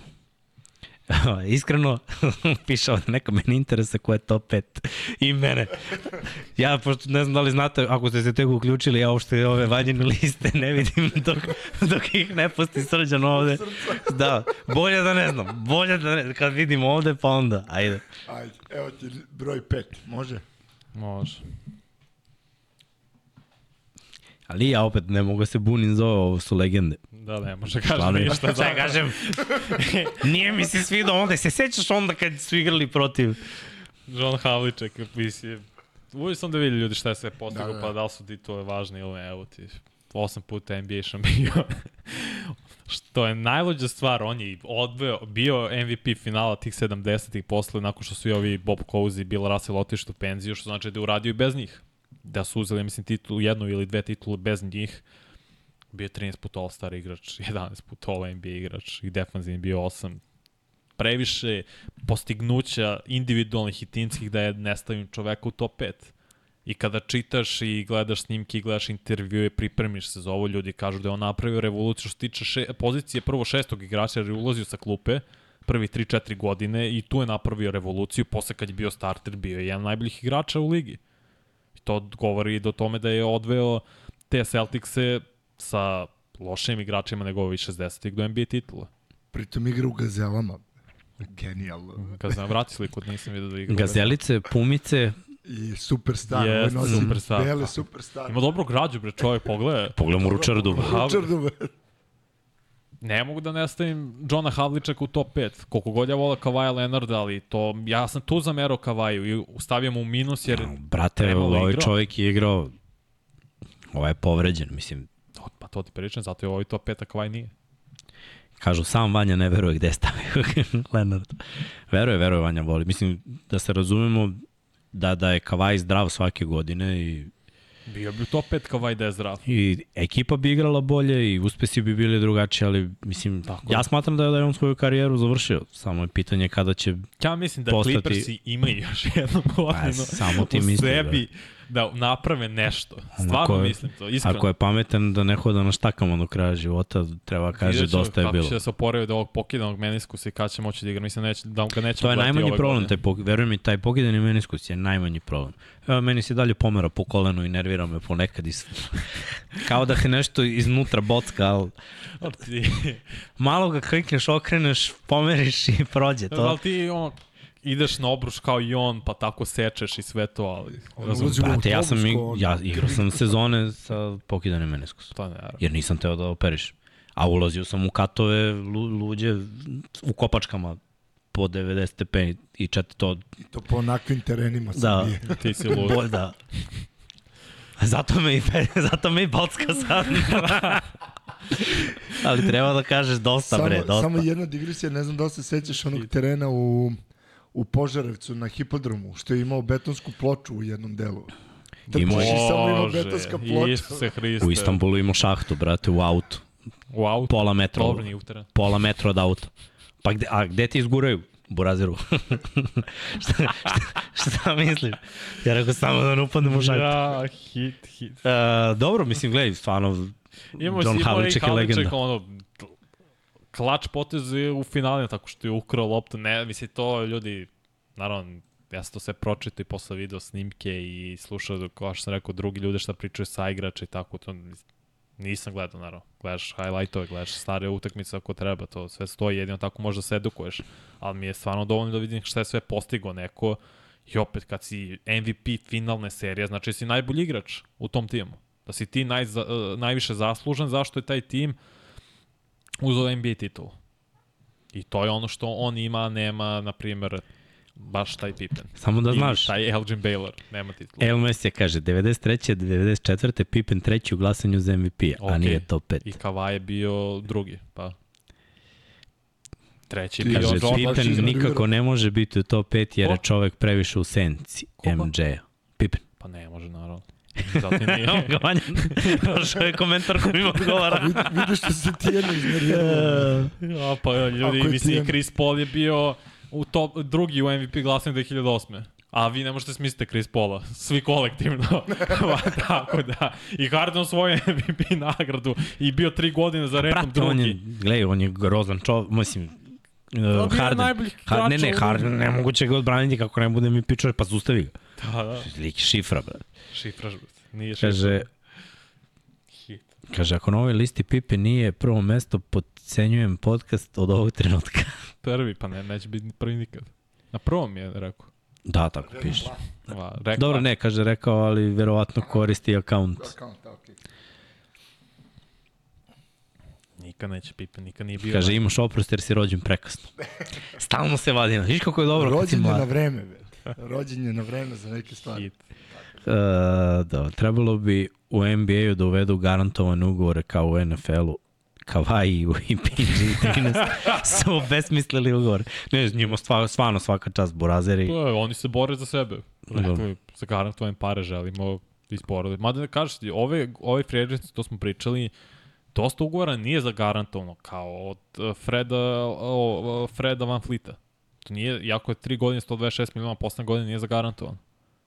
Ima dosta ugovora sada koji nisu zagarantovani, to samo tako izgleda, jer su se navikle kad uđeš dublje u te ugovore, shvatiš da nisu, istina malo oborim vodu, nisu svi zagarantovani u potpunosti. U NFL-u, onom, ovaj Jonathan Taylor, mučenik, vidjet ćemo šta će se Ma svi running backovi. Tako je, znaš, ali u stvari njima se samo nije namestilo. Sve će ovo se okrene za dve godine, ja verujem. Nije prvi put da vidimo ovo. Evo, koliko pratim 20 godina, ovo, samo se uvek pogodi jedna generacija koja najebe. I, I to je ova generacija koja je taman sazrela da potpiše ugovore, a nema, ni ove ni sledeće godine neće potpisati ništa.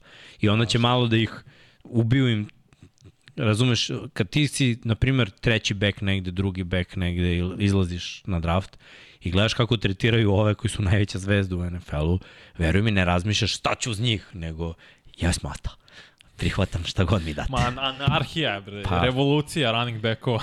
To je tebi u glavi, ali ne ide, ali ne ide to Samo tako. kažem, ne igram. Obu, obužno. Evo, Svi. Imam- svi starteri, ne igram.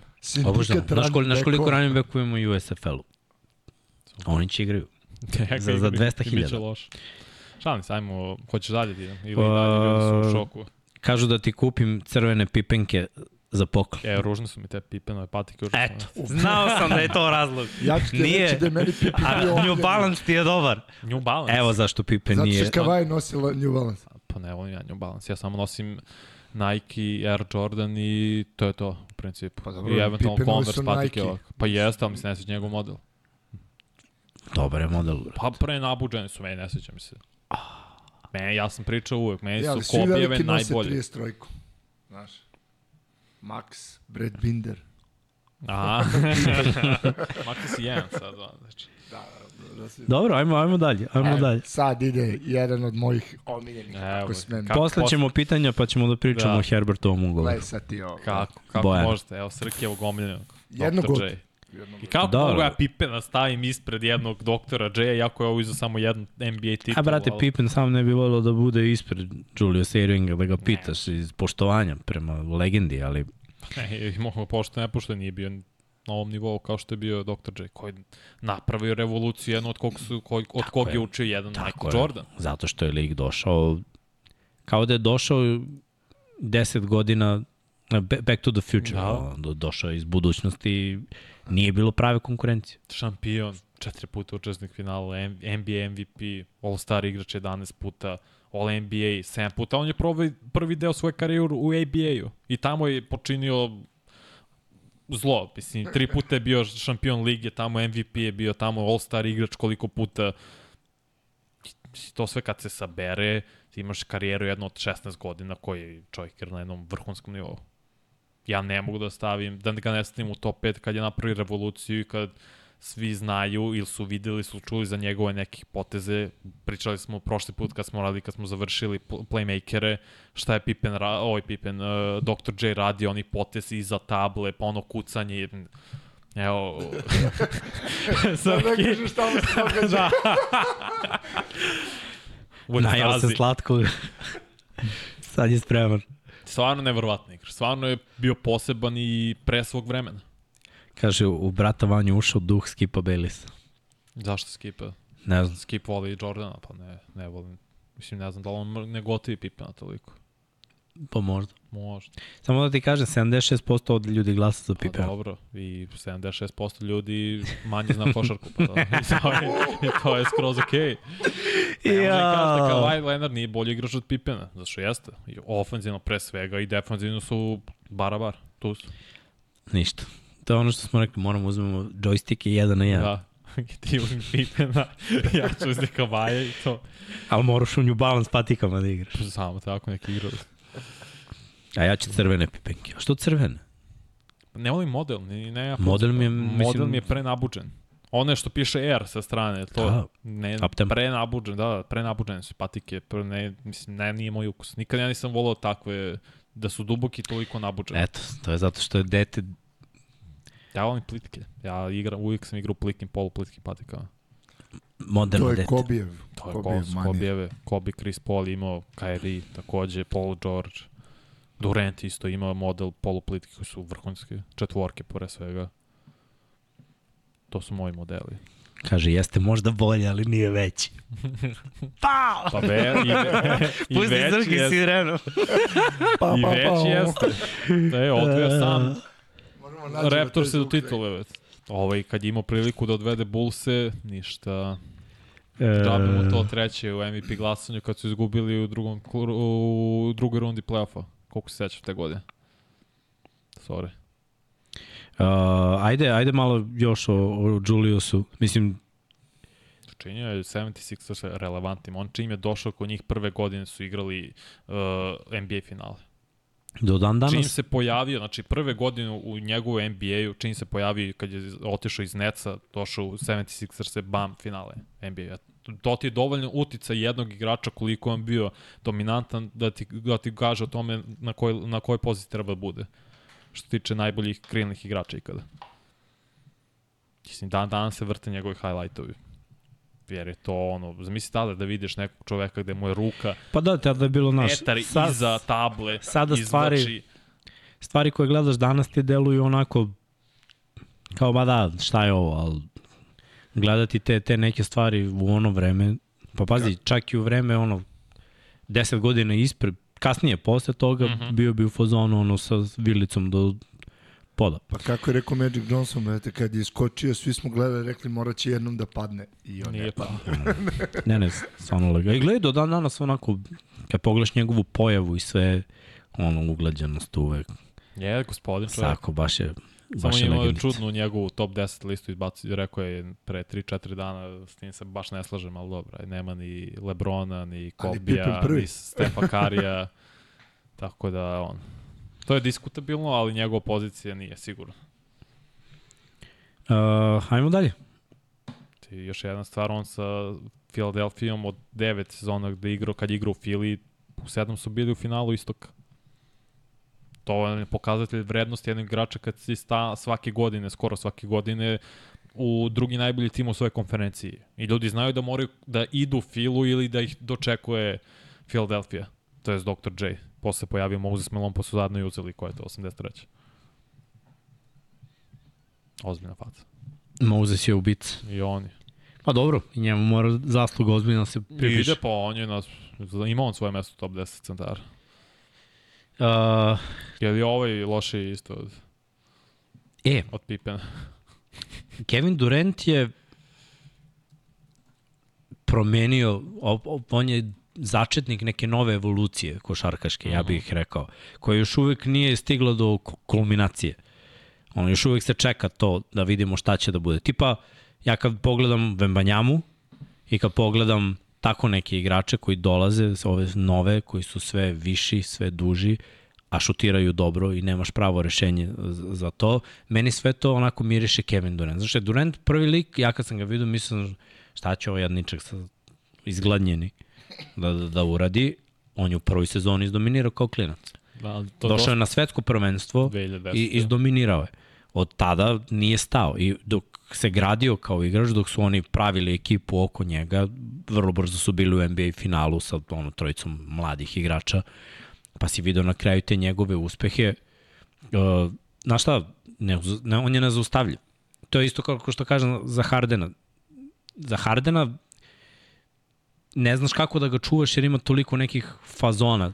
Durant nema toliko fazona. Harden je mora da radi jer je niži, mora, mora malo prljavo, pomalo ovo, pomalo ono. Ali bezobraznu tehniku za onu visinu. Ne, ne, i... ima, ali, to, ali uvek isto. Mislim, ima ono, hezi, hezi, pa...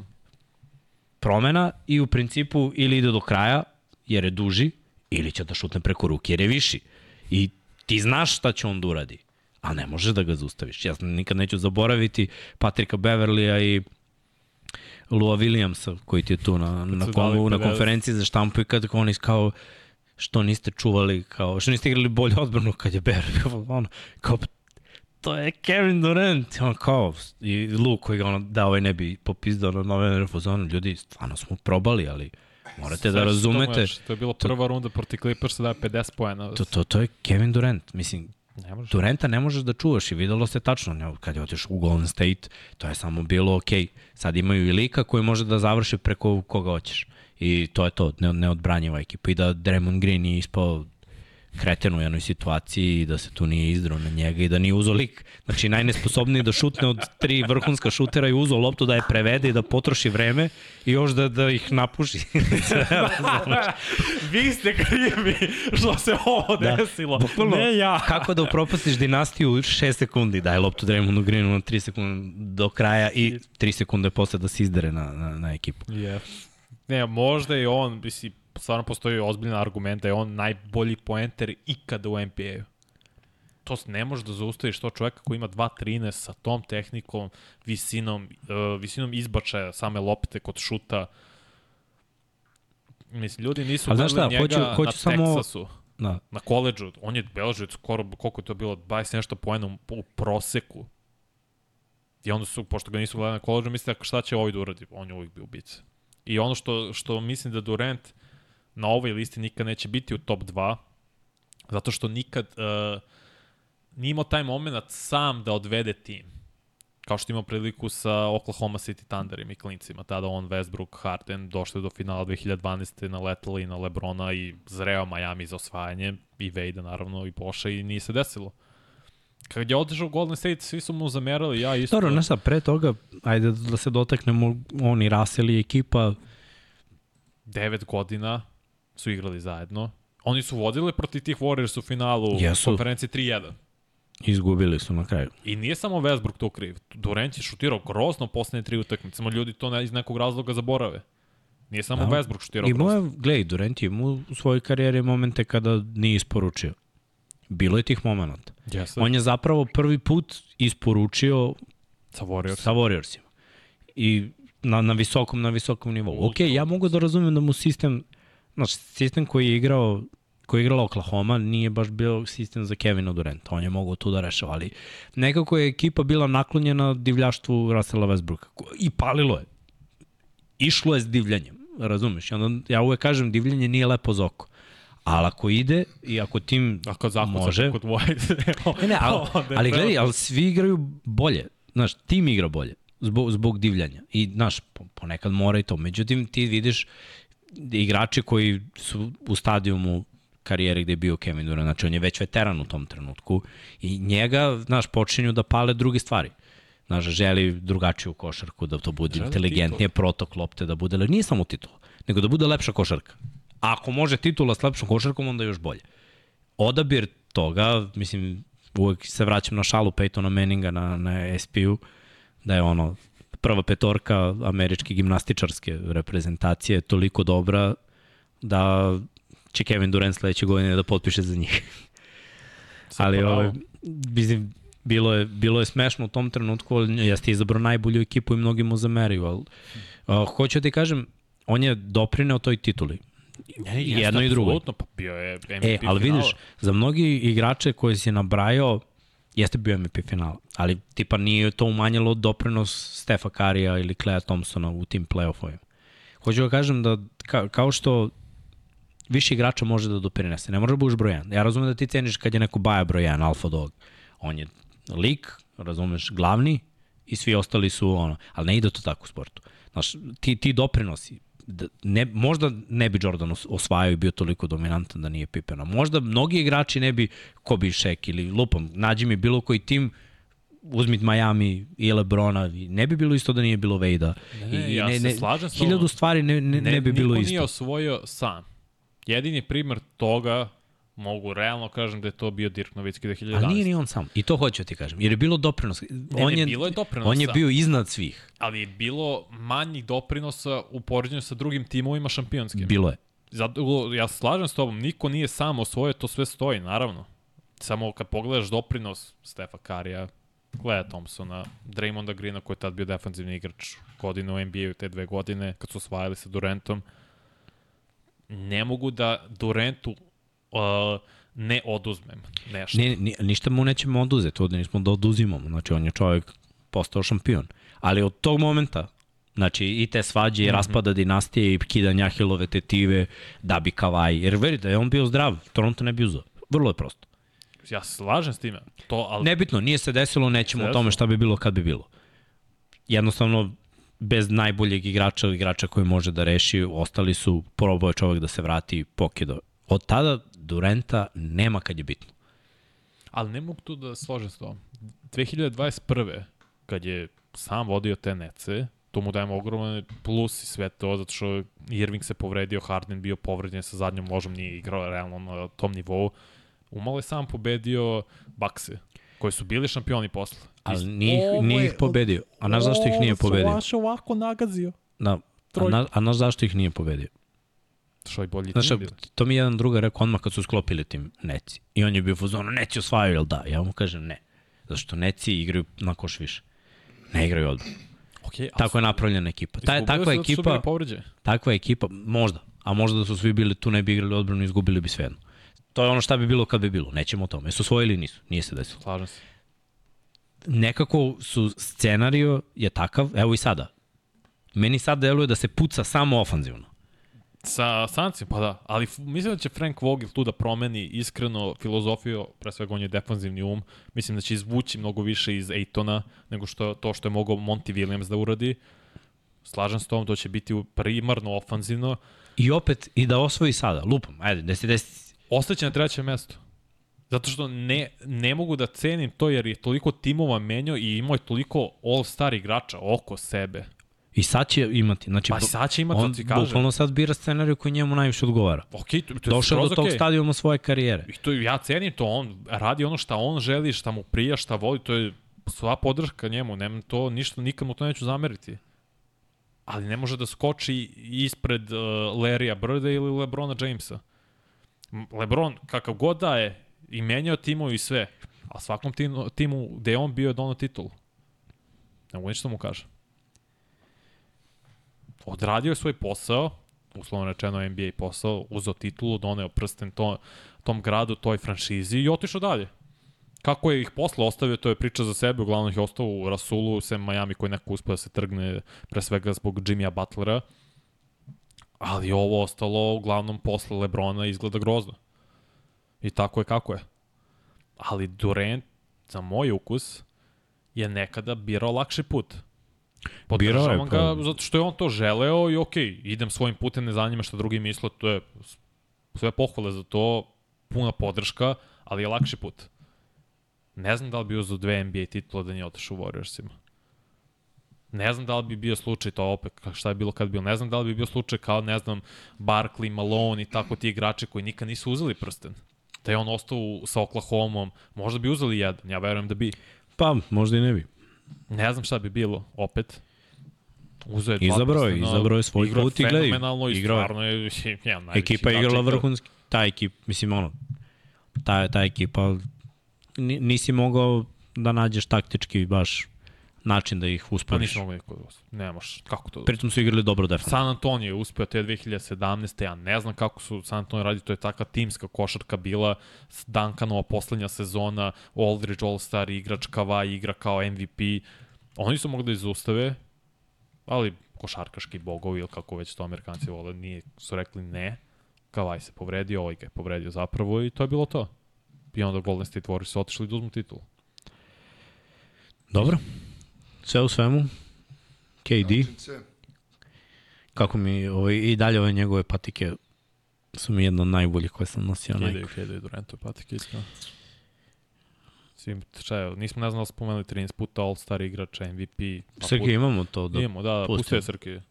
Jeste, da ispoštujemo Ajde još jednom, šta? Srki je namestio sledećeg, ali ovo. A, izvini. Ne, ne, ne, ne. Ajde, ajde, to su dva klika. Mislim, članje kuće 50, 40, 90. 50% iz igre, 40% za 3 minimalno i 90% bacanje. Tako je. Za čitavu sezonu to dva puta radio. Dva puta NBA šampion, četiri puta učestvovao u NBA finalu, tri, dva puta je bio MVP, NBA finala, jedan put, jedan put je bio NBA MVP, 13 puta All-Star igrač, 10 puta All-NBA igrač i predvodio ligu u poenima, četiri puta. No, no. Bruk, bruk ja ne, igrač. obe kažem, čovek je On je od, od momenta, od momenta kada, kada se pojavio, ali ni, kako ti objasnim? Cheat code, ne, nekako. Ali, on ti kao da ga napraviš u 2K, 2 met, 2... Ali kod njega sve, opet ti kažem, kod njega znaš šta je. E, znaš? Znači, Fraze, tri neka vezana driblinga, ono, step back, side step i šikneš je sa osam. Ali, Mislim, brate, njegov šut, njegov šut je uvek relativno, ono, preko ruke. Ono što niko ne može da dohvati to. Pritom li, lik laže njegova visina najveća misterija on, u, dva, u NBA. lagao, pa kad su stavili oni kaznici, jedan pored drugog, on viši za, o, za kaznicu ovako, kaznici ima 2.10.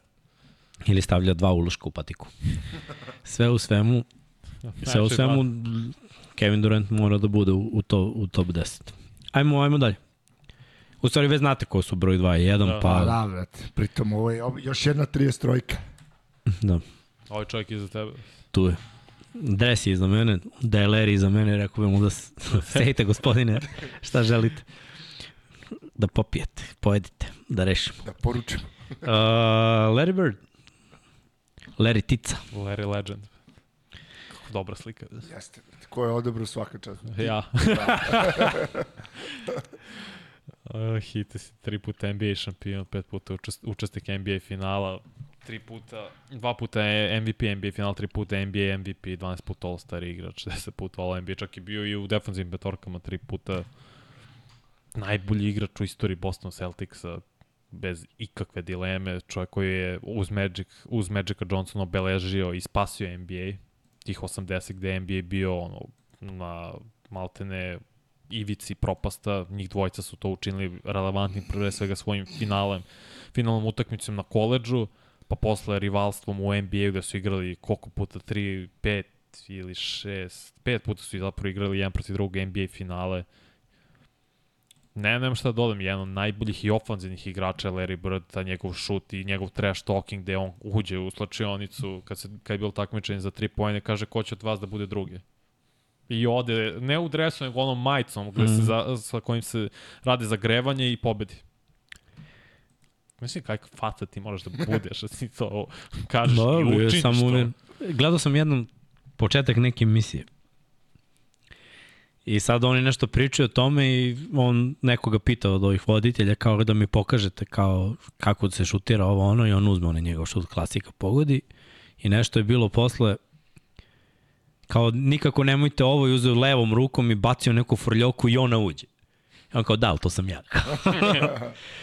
Kao da, Kasteleri, čak i kad bacite frljoku ulazi. Ali ovo je, mislim, bio je vrhunski igrač, bio je vrhunski šuter i njega su povrede na kraju. A on igra samo NBA 13 sezona toga je usporilo. Pa nije to samo to, to su ozbiljne godine, nego povreda leđa je njega ono, dokrećala i to Zato na kraju kad, kad su počele 90. Tako je. Znaš, Magic, jedna, jedna bolest, ovaj druga bolest i eto, pa evo se MJ preuzeo. Ali okej, okay, što kažeš, oni su onako postavili neke nove temelje za ligu i bile su, opet stvaranje tog Dream tima, tog jednog jedinog Dream mhm. tima, jeste obeležilo to što imaju dve legende. Znači da bude i Larry Bird i da bude Magic, Magic znaš, da budu njih dvojica, ali da dođu ovi novi koji su sada zvezde, koji su ono fizički mnogo spremni, ali moralo su to da budu ova dva imena takođe. I to opet govori o, o svemu, ti kad imaš ono jednog Magica, jednog, jednog Lerija i evo do dan danas. Ti pogledaj koliko, koliko su oni aktivni gde god se oni pojave. Oni su i dalje ogromne zvezde. Ceo svet zna ko su oni. Pa. I gledaj, ceo svet ne osporava to što su oni i, ili ko su oni. to je u stvari onako najveće priznanje. Znaš, koliko smo mi da pričamo kad čita svet, svi znaju ko je Larry Bird i svi znaju ko je Magic Johnson. I, i, i svi im daju priznanje i svako bi ih stavio na ono top 10 svih vremena. Vrlo verovatno. Ne možeš da ispišeš istoriju NBA bez njih dvojice. Mislim, kaže, to je najbolje rivalstvo u istoriji NBA. Magic i Bird, Lakers i Celtics i 80. obeleženi njihovim duelima u NBA finalima. Lakers su imali malo više uspeha u tim međusobnim okršajima, ali svakako da čovjek bude tri godine za redom NBA MVP, što nakon njega to niko nije uradio. Znači, prošlo je 30 godina, više, zapravo skoro 40, niko to još nije uspeo da postigne nakon, posle Larrya Birda. Mislim, ofenzivno opet, top 10, kad pričam striktno ofenzivno, možda i top, mislim, top 10 sigurno je. Pazi, to je, opet moramo uzmemo obzir, to je bila era kada se pojavljivo šut s polja. Nije to bilo, opet, ljudi moraju da razumiju, taj šut za tri je posle malo evoluirao, pa onda malo više, dok je danas Bum. dostigao ono punu ekspanziju, znači danas je trojka šutira iz kontre, mislim, ti iz tranzicije da si digao trojku 80-ih, samo si mogu da izađeš iz hale i ostaviš on, imao, dres. Imao priča njegov da on protiv Hawksa, Dominic Wilkins igrao samo levom rukom. Rekao ja desno čuvam za sledeću rundu.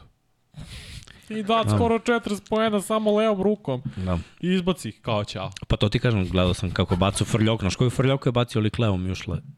Ne, ne znam odakle su izvukli taj snimak kad sam bio u fazonu Borazer on I to nije ušlo ono tum tum čik nego svišalo, razumeš? Da, pa to se pričaš ne. Da, da, da je čovjek bio baš poseban. I bio odličan skakač, za, mislim da je Belžu za karijeru 10 skoko po meču, što je stvarno neverovatno za krilnog igrača. Nije centar, nije krilni centar. Da beleži 10 skoko u proseku je baš impresivno. Da. Uh, Boško ja nikad ovakvu listu ne bi napravio, tako da žao mi je što, da. što vas zanima. Ja sam rekao, ja mogu napravim listu po dekadama, jer mislim da je to jedino realno. I, jer ti igrači su igrali jedni protiv drugih. Ovako da, da stavljamo legende koje gde, mogu pričati samo svanjamo doprinosima tih igrača i uh, kako da vam objasnim, ja razumem kao neko ko Lebrona nije previše voleo nikad. Nikad. Ali bukvalno od momenta kada se pojavio, Sam bilo mi je... Gotiviš. Ne, ja ga poštujem, ja ga ne gotivim. Ne, ne, ne A, mogu da kažem... Gledaj, on... ga sad gotiviš zato što je u Lakers gledaj, slabiji tim. Ima slabiji tim, tako je, posle 20 godina u ligi. Znači on se posle 20 godina da ima slabiji tim i, i nešto da radi. To je za svako poštovanje. Pa, poštujem način na koji se on obhodi prema svojim saigračima. Uh, poštujem način na koji on vodi račun o svom telu. Jer smatram da je nemoguće ovo što je on uradio da u ovoj fazi svoje karijere, u ovim godinama koje on ima, bude vilicom Nobruču. To, to je neverovatno, znaš. Uh, jer sam gledao, malo je tih vrhunskih, ja sam gledao Jordana u 40 u Washingtonu i nije Jordan uopšte bio loš u Washingtonu. Nije. Imao je on vrhunske poteze, lepio je ljude s dve ruke o tablu, znao i da kuca, beležio 20 pojena u proseku. Znači, ono uopšte nije bilo, i bio je povređen cele sezone, ali je čuto igru. Uh, opet današnja moda je da propustiš neke utakmice da bi mogao da dodigra. Nije to kao sad to radi Lebron pa ja da ne gotivim samo njega. Generalno ne gotivim celu ligu što to radi, ali to je već do lige i da oni reše neke stvari. I rešili su. Mislim, ja, postavili ja su uslove da se reše. Ne možeš da budeš All NBA igrač, ne možeš da budeš uh, validan za nagrade ako ne odigraš minimalno 65 utakmica. I to je neki način da se reši taj problem. Ali nastavi, izvini, prekidno Da. Uh, ajde, pusti Srki ovamo da se vidi. Mislim, svi znamo ko je broj 1. To je LeBron James koji smatra se, mislim, ja ga smatram jednim od najvećih igrača ikada i jedan od najboljih što se tiče i toga, striktno veštine, neko ko ima 2.05, da ima takav pregled igre, da je jedan od najboljih dodavača lopte ikada i ta neka njegova dodavanja su stvarno neverovatna. Ne znam da li su na nivou Magica Johnsona, evo, četiri puta NBA šampion, deset puta igra NBA finala. Ja razumem sve, i slabiji bio isto, i ja s tim slažem, imao je mnogo bolji tim u Majamiju, pa posle u Clevelandu opet imao dva stara igrača, Kevina Lava, Kairija, opet igraš 10 puta finale, 9 puta za redom je suludo, 8 puta zapravo je suludo, MVP 4 puta i NBA finala i regularnog dela sezone. Rekord drži po broju All-Star pojavljivanja zajedno sa Karimom po 19 All NBA tim je oborio rekord, 19 puta je bio član All NBA tima, defanzivnom timu je bio samo 6 puta, ali malo toga možda zameriš ovakve karijere. On, ono ima, kad igra odbranu, njegov fazon je chase down blokovi od tablo. Znači, on te juri da te zalepi od tablo, ne igra. Ali može te zaključa zato što ima predispoziciju. Ali neće, jer se, neće da se troši defanzivno. Znaš kada se ali ne mogu... koje godine? 2013. kada je Gasol bio defanzivni igrač godine, tad je maksimalno uložio, taj Lebron bio drugi u glasanju, maksimalno uložio da ta bude defanzivni igrač, nije bio rekao sa ono, neću još se trudim ovoliko. Pa, jer opet na kraju dana napad uvek ide oko njega. On nikad nije play, ali uvek ide oko njega. Znači, da. što je Ogić nije play, a ide napad oko Tako. njega. Znači, on gde god je igrao, a znaš šta, meni, šta je meni fascinantno? Da on, onaj prvi nije uzeo s Miami. 11. Ja mislim da, da bi možda do sada imao jednu ili dve titule. Taj sa 2012. da nije uzeo? Kad je uzeo prvi, 2012 prvi prst. Znači, nekako mi je bilo ok, sad je krenulo, znači konačno je krenulo, mm -hmm i ajmo, ajmo dalje. Jer do tada, i on je pričao o tome, da, da, da mu je ono bilo kao čoveče, ono, Kad će? Da li je moguće, da, da, da li je moguće tu, a u tom trenutku, ajde da kažemo, nije bilo ni toliko finala.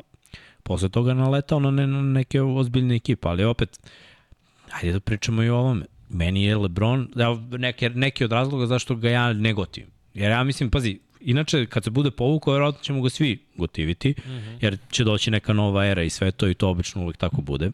Ali ima stvari koje su meni uvek bile, uvek sam navio protiv njega. Ok, da, jeste zato što je dobar i ne volim da, da, da navijam ono za, za, za najbolje, ali prate, meni je jako iznerviralo što su oni napravili taj tim. Isto meni i za Boston iznerviralo što su napravili su, ono, taj Veliko tim. Troj. A nisu dali Kobiju i polu da su ujedini, naprijed. Da, to, to sam popizao. I onda je Lebronu dopušteno da on napravi svoj tim sa ni manje ni više nego Wadeom, da, razumeš i sa Bošom koji je nosio, ne, pazi, Wade je bio broj 1 u Majamiju. Boš je bio broj 1 u Torontu. Jasno. I LeBron je bio broj 1 u svojoj ekipi. Ja rekao, I sad imaš tri broja 1 u jednom timu. I oni Wade su se je bio tada sklopili. top 5 igrač u ligi. Tog momenta kad se to desilo, Wade je bio top 5 igrač u ligi. Boš je bio, ok, 15, top 15, top 20, kako hoćeš da gleda, bio all-star igrač. To što ti kažeš, broj 1 opcija. Ono što sam hoću stavim pozadinu, zašto su ovi smeli, ovi nisu. Prvo, Bosch, Wade, LeBron su uzeli manje para da bi mogli da stane pod kepom sve. Drugo, bili su slobodni agenti. Treće, sve to, sve to, okay, ali ja sve to, sve to umanjujem, sve to umanjujem LeBron. Razumeš? Odlazak Slažem iz Clevelanda, drama. Šta je trebalo da uradim? Da li je trebalo da, brate, ono, je mora reklama, mislim, razumem sve, ali... The decision. Je, je kapiraš? Na intervju, da. To mi je ono previše. Jer on je pod lupom on kad je ušao u ligu jeste da to je sledeća neka zvezda i sve to. Izabran, da chosen Mislim, one tatuaža na leđima. Nekako mi je sve bilo previše. I onda ono, San Antonio, Ray Allen spašava situaciju. Da. Baš spašava situaciju, jer te godine ne bi uzeli sigurno.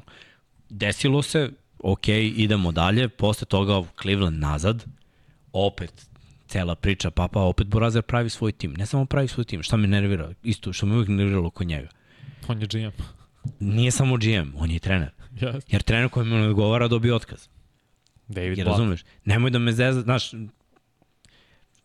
jedan od razloga zašto se vrati, vrati u Cleveland, ja ne znam da li je Spolstra ili je ono, ajde da vratim Clevelandu za sve. Mislim, stvarno ne znam. Imao je koško se on sa, nije sa, ne sa Spolstrom, sa Petom Rileyem koji je rekao, ne, ne, ovo je moj tim, je moj trener. Tako Ovde je. ja odlučujem. Sve Niko stoji. drugi. Ali verovatno imao, to mi ne znamo, ali verovatno imao malo nekih nerešenih pitanja i sa Spolstrom za koga sad možemo da kažemo iz ovog ugla, da je jako dobar trener, zar ne? Mm -hmm. I bilo je problema gde god je on bio, kogod je bio trener, uvek je bilo nekih problema. I Boš i Vejt su starili, pogotovo Vejt koji je u poslednje dve godine baš ostario.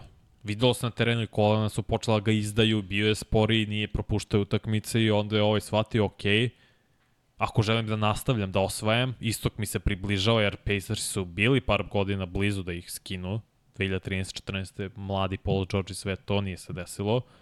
Moram da promenim tim da uzem mlađe igrače. Kyrie Irving, tu je, igra sjajno, sviđa mi se kako igra. Ne treba nam prvi pik na draftu, pošto su imali tada prvog pika Cavsi, bio je Wiggins. Daj tražimo za nekog dobrog all-star igrača koji je već skoro veteran, igra 5-6 godina u ligi, znamo koliko je dobar. A, Kevin Love, Minnesota, slobodan, Gledaj, može. Evo sve, je, pik. sve je sam biro. Znaš, te god je išao, šta god je radio, Jeste. sve je sam biro. Do momenta kad je došao u Lakers-e, da je opet sve sam izabrao. Pa Ceo svoj scenariju, celu je. svoju priču, znači, to, to je ono što se meni ne sviđa. Ali ne mogu, ne mogu da kažem da, znaš, ne cenim stvari koje rade na terenu, jer ne moram to ni ja da kažem. Pogledajte i poslušajte šta govore ljudi koji igraju u ligi. Jako, prvo lik je ogroman, prespreman i jako dobro poznaje košarku. Vidi, jedan je od najboljih dodavača, ono što se isto meni nikad nije svidalo, u tom nekom momentu, ali razumem, to je inteligentan potez. On bi pre dodao nego da on uzme šut. Šta mi ovde volimo? Na ovim prostorima naročito. Volimo taj klač moment, volimo da lik reši. I navikli smo da svi igrači koji treba da budu broj 1 na nekoj poziciji, oni moraju da preuzmu odgovornost kada se lomi i da reše.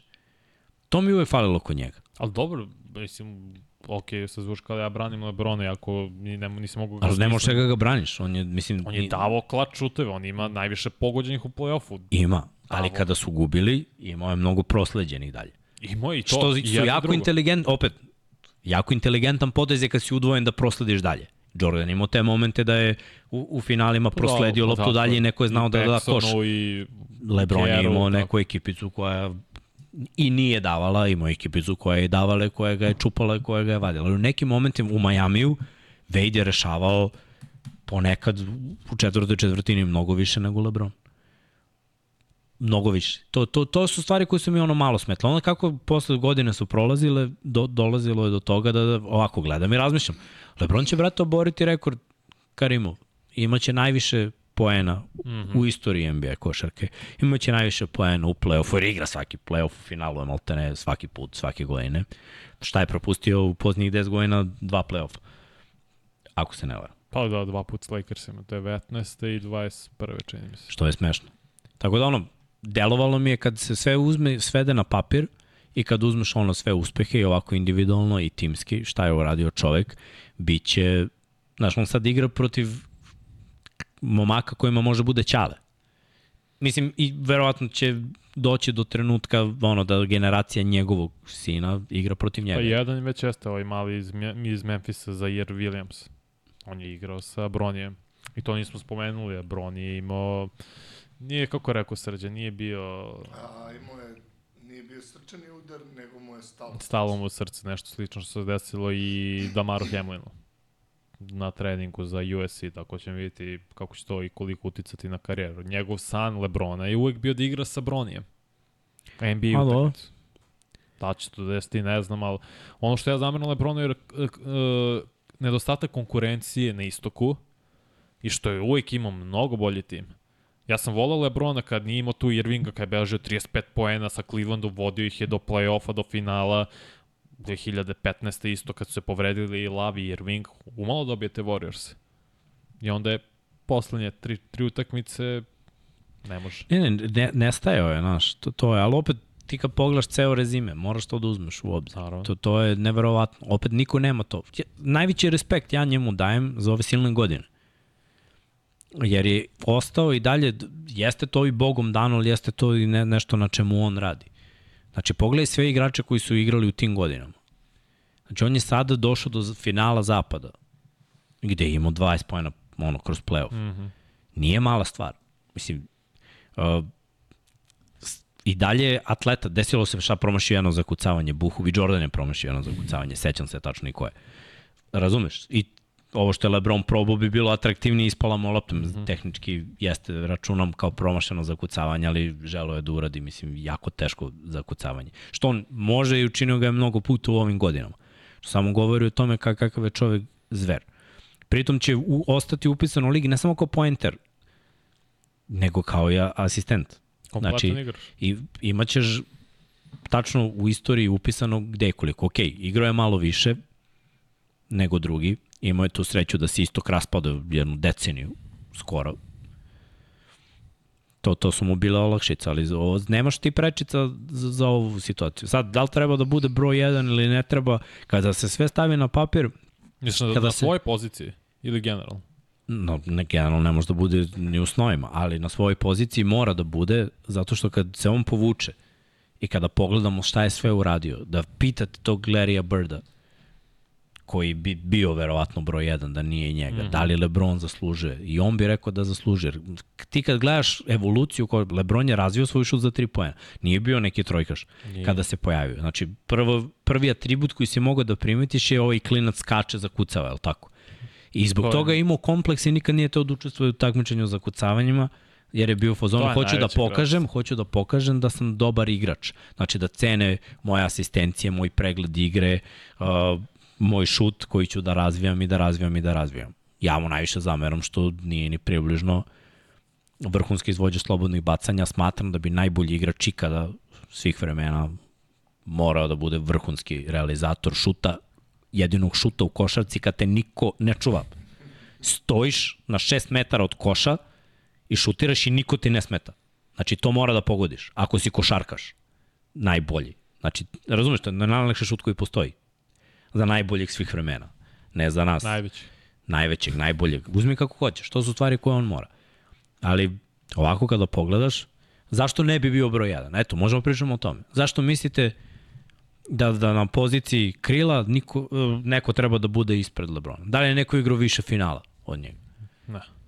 Da li je, ima ljudi koji su osvajali više, ali da kažemo da to nije ono najveće merilo. Opet je bio četiri puta MVP lige, znači najbolji igrač u NBA-u. A mogu je, četiri puta MVP. više puta MVP. Dobro, on je kao i Tom imao te, to Marko. prokledstvo mm. da kad si stalno ono najbolji ljudi te zaobilaze pogledom. Ono. Da, Ajde nema. da damo nekom drugom. Da, da. Ajde da ne bude on svake godine. I bilo je ti godina kada je bilo zasluženo da, da budu i Tom Brady i LeBron, ali to su bila u jednom trenutku dva ono, najveće imena u svetu sporta u Americi. Ispravim ako grešim, ali mislim da, da niko nije bio na nivou u, pa u, u, tom, u tom nekom trenutku. Pa nije, ba, mislim, ako Jitera ne računamo, pa to, ali nije taj nivo. Ne, ne. Ne, ne, ne, ne mogu nikog da stavljam ispred što tiče Karila, mislim da je LeBron top 5 najvećih igrača ikada. Svi rekordi, na pazi, playoff rekordi ostaće njemu. Ok, igrao je više okay, ne, ne, nego većina. Namestilo se, mislim. Is availability. Konstantno je tu, ne propušta utakmice u play-offu, znao je da igra i kad ga nešto boli, znao je da iskrene zglobi da se vrati u istu četvrtini. To mi je najluđa stvar kad on iskrene zglob, njemu nije ništa. Ostaje, A nije da mu nije ništa, patik, naš, ne, nego je takav lik. I, I to je nešto što, što poštojem. Uh, I opet, nećemo da umanjimo, ima komentar, pričaš da je samo LeBron imao super timova, Jordan je uvijek imao oko sebe bar dva All-Stara. Draftovanih od strane tima. Dobro, Pippen, pardon... Uh, Tradovan na draftu, bre. Ne, ne, Pippen, izvini. Kukuć Dennis draftom. Rodman je jedan, došao, jedan kasnije doveden. druga, drugi tripit. Jedan doveden igrač. Tako je. Jel tako? I ne znam ko je bio u prvoj kad su uzeli prve tri titule pored Scottie Pippen. Horace Grant, njihov igrač. Ko je bio All-Star igrač. Nije, mislim da Horace Grant nije bio, on je bio tu, ali nije on je njihov igrač. Grant. Ne, nego hoću da kažem ko je bio igrač koji je ono, pomagao, nosio. Kapiraš? No, ja meni ne smeta, ja uvek kažem, Golden State meni uopšte ne smeta što su ovoliko, ono, kad su doveli Durenta, tad je postao čid. Pre toga, to su bili njihovi igrači. Horace Grant i PJ Armstrong su bili All-Star igrači 94. kad Michael nije igrao. No. sa Scottijem. Znači, to je najjača stvar. Ali nisu bili, niko nisu oni imali, bili su Michael i čak ni, nije bio ni ovaj, kako se zove, sa njima, Rodman nije bio all-star igrač u nije, Pulsima. Nije. Bio da. je, mislim, sve ukupno u karijeri dva puta ili tri all-star igrač. Da, da. To hoće da, ali opet su njihovi igrači, znaš, nije isto. LeBron je znao da izabere, opet to je druga era. Nekad se nije da, da. biralo tako, nekad je igračima bilo ispod časti da budu znaš, izabran si, došao si u tim i ok, može se napravi neki trib. Mislim, ovo je kad napraviš ekipu od sedam ljudi koji dođu te godine. To se desilo Lakersima, mislim. I to, ja sam siguran da je to LeBron izabro. I nemam ništa protiv toga, jer drugi ljudi isto to rade. Samo umanjim malo vrednost svega toga. Uh mhm. -huh. Kada četiri trenera dobiju otkaz, umanjim malo vrednost svega toga. Ali opet ne mogu da umanjim vrednost onoga što vidim na parketu. To je da, znaš, čovek i dalje igra na jednom određenom nivou. Da, prepustit će on odgovornosti. Ove godine u play on je prepuštao odgovornost drugim, pa, drugim klincima. Vreme je, treba Anthony Davis bude najbolji igrač. Ne treba Lebron u 20. sezoni da bude najbolji igrač u šampionskom timu. To je suludo. Ne treba bude poslednje 3-4 godine. Ja verujem da su i Lakersi imali, to ću uvijek pričati, ako volim Lakersa, navijam za njih. Lakers su imali sreće što je bio bubble i sve to, COVID. Oni ne bi uzeli te godine titul. Jer su imali pet meseci pauze da se svi oporave, budu zdravi i odigraju taj finiš tih mesec dana u bablu i da osvoje titulu. Da se to nije desilo, ne bi sigurno osvojili titulu. Ne znam ko bi osvojio. Ali ne bi oni sigurno. Bilo je stvari da je išlo u prilog Lebronovi karijere, ali opet te neke, i pričali smo o najboljim playoff performansama kad je krenuo playoff, to protiv Pistonca, tih Pistonca koji su šest godina za redom igrali finale istoka i morao si kroz njih da prođeš da ideš u NBA finale, da postigneš 29 od poslednjih 30 poena i 25 za redom kao neko ko ima 22 godine u tom momentu, to je baš no. Da. bolesno. Evo imamo komentar, kaže Kalu da je i Kobe pravio ekipu. Pa pazi, Lakersi su, ali Lakersi su ta franšiza. Koju ekipu? Sad se malo ovde pomešalo. Mislim, Howard da ne računam u eri sa Gasolom, ali Gasolar, Tesla, Marodom. Da, to je ekipa koja je dovedena oko Kobija kada je otišao Šek. Koja je to godinama se pravila ta ekipa. I to je, RTS je došao 2010 nije bio tu za prvi da, da, ali nisu draftovani, nego je dovođeno. I da, ja opet kažem, ne zameram toliko, ali meni zato ni Kobe, naš, nije broj jedan svih vremena. Kao što nije ni Lebron. Sad, za u nesreću igra na istoj poziciji kao i najbolji svih da. vremena u mojim očima, tako da Lebron može da bude najbolje krilo ikada, Zato što kad pogledaš šta je sve uradio i to, mislim, nije još kraj. To možda još ima još nešto da se dopiše, još nešto da se uradi. Tako da, definitivno u novoj eri, modernoj eri, imaš mnogo više ovoga da dolaze ljudi da se dovode i sve to i to meni nije toliko cool. Više gotivnije mi je ovo što je Denver uradio, što je Milwaukee uradio. Slažem se. Da dovedeš par igrača, ali da uglavnom srž bude draftovan. Pogledaj Denver. Oni su doveli Aarona Gordona. I, ok, doveli su KCP, ali srž ekipe su igrači koji su oni draftovali. I isto to mi je Golden State. Menjali su oni, ali je to poslednja titula. To su malte ne sve njihovi igrači. Kevin Looney, Draymond, Clay, Steph, Poole. Da, doveden je Wiggins, ok. Tako... Do, ne, ok, bre, jednog moraš da dovedeš, to nema, to, to, to, to je pravilo, mislim, to, to, to nije loše. Pravilo, zato kažem te Lakers. Bez veze mi je kad dovedeš šest. E, ok, prva petorka tih Lakersa, a uzmemo 2009. kao primer, mislim da je igrao tada Riza, Fisher je njihov igrač, a Riza Bryant, Bynum je njihov igrač, samo je Gasol tu doveden. Evo imamo... I Gasol no. nije bio all-star igrač pre nego što je došao u Lakers. Nije, pa ne, gleda, dobro, namestilo se. Nije to sad bitno koje, nego, znaš, sklapanje ekipe. Imao si zvezdu i želiš da sklopiš što bolju ekipu. I to, to je u stvari priča koja prati LeBron, on je zvezda. I ne super može... Zvezda. Oni, super, oni, oni su super, super zvezda, tako je. Ne možeš da budeš super zvezda i da igraš u krš ekipi. Nije... Mogo je, on igrao je prvih 7 godina u Clevelandu. Ta nije bio super zvezda. Tad se borio da postane super pa, zvezda. Ja. Posle određenog vremena, ali nije bio na početku. Jel nije, tako? Mora da prođe vatreno krštenje, mora da prođe ovo, mora da prođe, okay. on igruje sa krš ekipom. Igruje. Kad je postao super zvezda? Kad ih odveo 2008. Sedmi. Ja mislim da je postao super zvezda 2008. Pa sedmi ih je odveo final. Posle toga. Tad je dobio priznanje i nakon toga je bilo uh, olimpijada. Olimpijski igra 2008. Da. Okay. Tad je on okay, sad si super zvezda. Do tad je bilo ono, zvezda, zvezda, jer je mnogo bilo super zvezda da bi i ti mogao da rame uz rame s njima. I dalje su ga ovi stariji gledali, takva bila nekakva generacija da ste stari uvek čekali da se dokažeš nešto, da bi ti bio priznat. Danas nije tako. Danas prihvate dokazivanje posle godinu dve. Onako, ovo, ovo igra dobro, ajde, prihvaćanje. Nekad si morao, brate, da guliš i da guliš. Ali dobro. Sve u svemu, kad je postao super zvezda do dan danas, On pa, nije mislim... prestao da bude čovek oko koga se sve vrti. A on je lice znaš, lige. On je lice lige. I nije lice lige 10 godina, nego lice lige 15 godina već. 12, 13. Dođu, pojave se novi, naš, yes. koji mogu, ali dalje on broj 1. Ja kažem, od 2011. do realno 18. možda 19. i Lebron najbolji igrač u NBA-u. To je skoro decenija. Te on, realno najbolji igrač u NBA-u. Imali smo pitanje, Mm, imali smo pitanje... Češ da vidiš ko su pet igrača? Kada bi osvojio još jednom LeBron, da li bi bio GOAT? To je bilo pitanje. Aleksandar Temerina spita. Meni ne bi. Pa... Meni ne bi... Ne mogu da kažem da bi bio jer je opet... Jer gledaj, postoji, postoji razlog za, meni zašto, Postoji zašto Jordan. je Jordan broj 1. Jer gledaj, mnogo je veliki uzorak Lebronov bi bio da, da se osvoji taj peti. Znači prvo, Kako ajde da uzmemo, dodaš? ovaj se Brazer povlačio dva puta To njemu ide u minus. i vraćao. Ali, gledaj, učinak kada je bio tu je bio ono. Pap 3, cool, pap 3. E, U to svakom on rešava. Lebron je sad već u fazi kada neće on rešiti Pa to ti finale. kažem, Nije on, ne treba on da bude najbolji Sad igrač na šampionskom timu. To, to je velika razlika. Ja verujem da je taj raspon Jordana od, aj kažem, od 87. 8. do 98. tih 10-11 godina najbolji, naj košarkaški on, raspon, period bilo kog igrača ikada. Tad je bio i defanzivni igrač, sve MVP nagrade, titule u tih 10 godina, najbolji igrač, ubedljivo. Znaš, to je bio vrhunac, zato ja kažem najveći, to je taj vrhunac niko nikad neće više imati.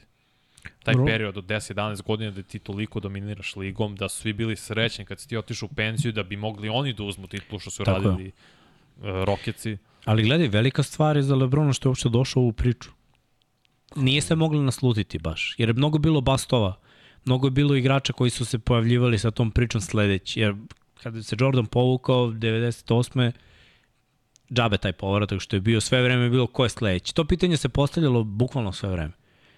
Ko je sledeći, ko je sledeći, dalje ovo i dalje ono. I nije baš ono, kada dođe ruki, nije bilo ono kao, e, ova je sledeći, a ovaj bi mogao da bude. Vrlo često je bilo, e, ova je sledeći, onda ništa. Piši propalo, idemo dalje. Ali na Lebronu su stavili to. Le, Lebron je... Kad je ušao u ligu, kao. Lebron, on pa uvek stave, pa stavili su sad i Manjami. To mora da ide, to je Amerika jednostavno. Pik broj 1, Ali ne stavljaju svima, da se razumem. Ne stavljaju stvarno svima, baš treba da budeš van serijski talent i prospekt da bi ti stavili to. Nisu stavili nisu, za Antonija Davisa, eto, uzi primjer. nisu.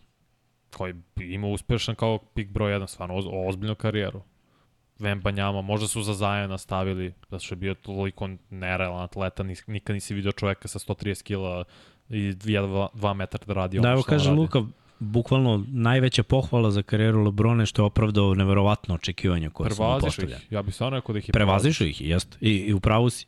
Jer bilo je ono, jeste bilo ko je sledeći itd. itd. ali neki rekordi, znaš, na primjer, imaš neke rekorde koji nikada neće biti oboreni.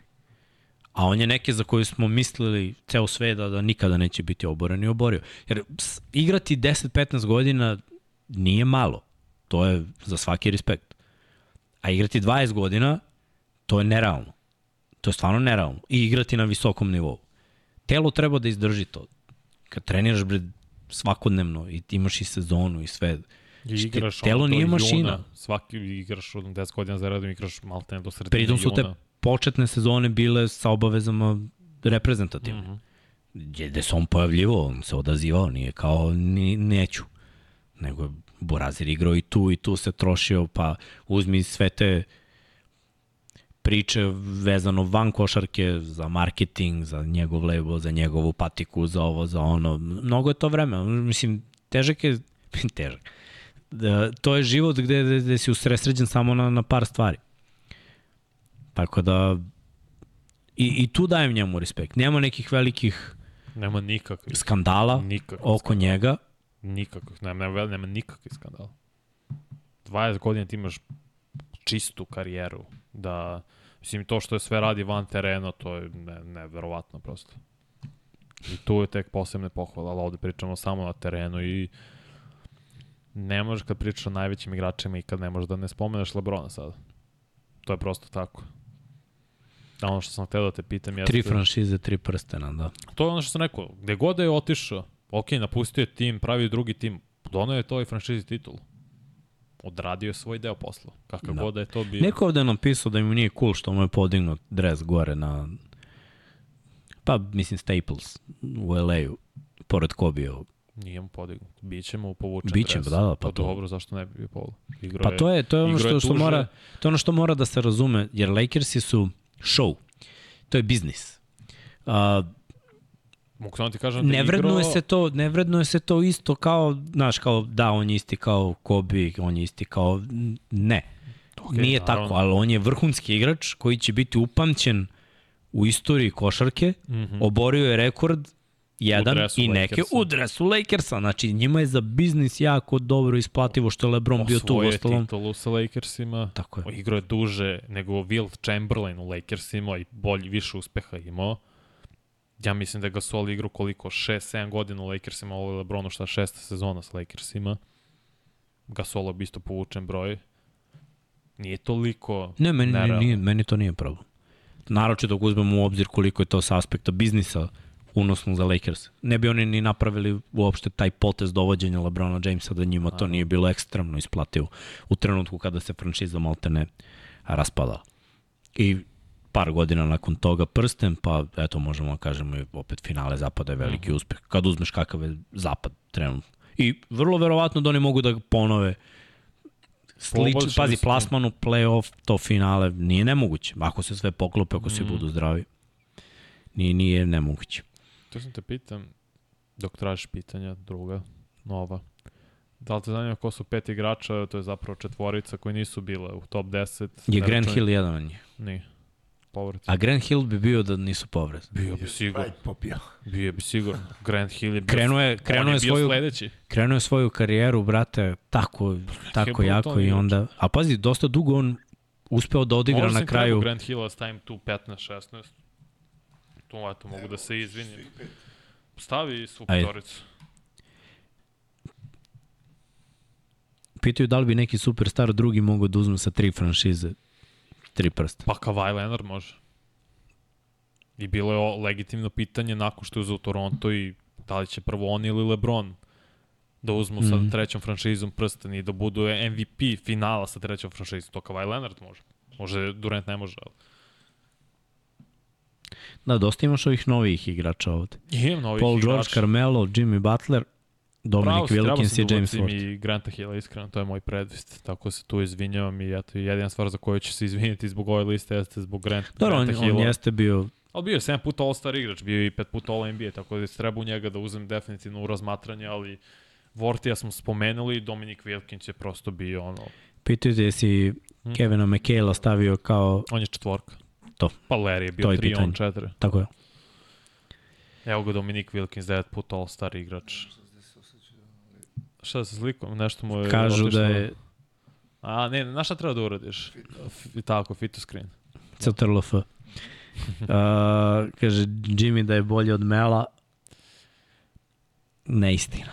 Ko, Grant Hill ili Dominik?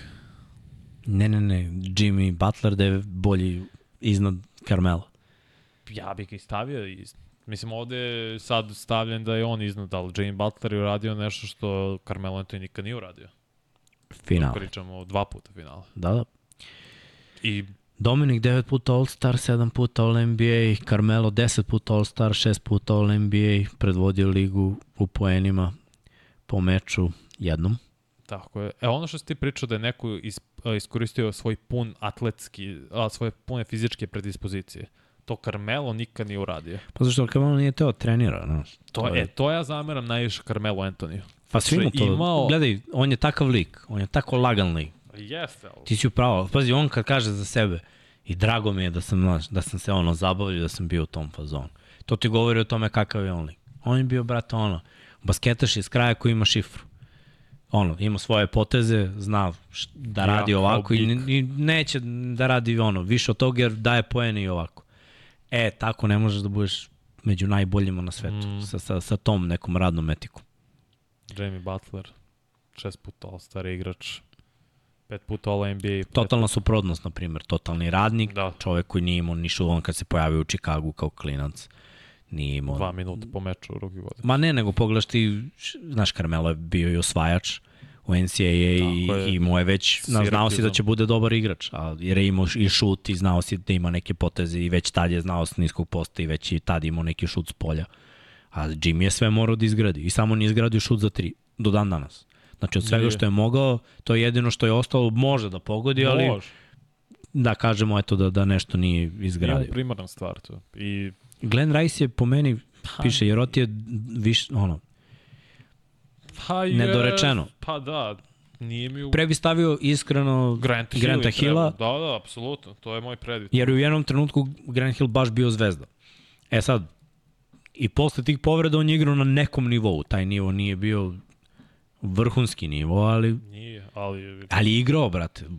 Dao je sve od sebe i dalje koliko je voleo košarku. To, to mi je za, za poštovanje maksimum. Ko je sledeći, Srki? Mislim da je Paul George. Pa imaš samo na listi, ne, nisam ga našao ovako. Nisi, ja, ne vez, tu i Paul George koji je 15. i ne znam koji je još bio. Vidiš, meni Paul George ne bi upao ovako u svih možda je vremena. Grant Hill, iskreno, možda je trebao Grant Hill, ne mogu zamorim. Jer, jer George meni je mm -hmm. samo ono šta bi bilo.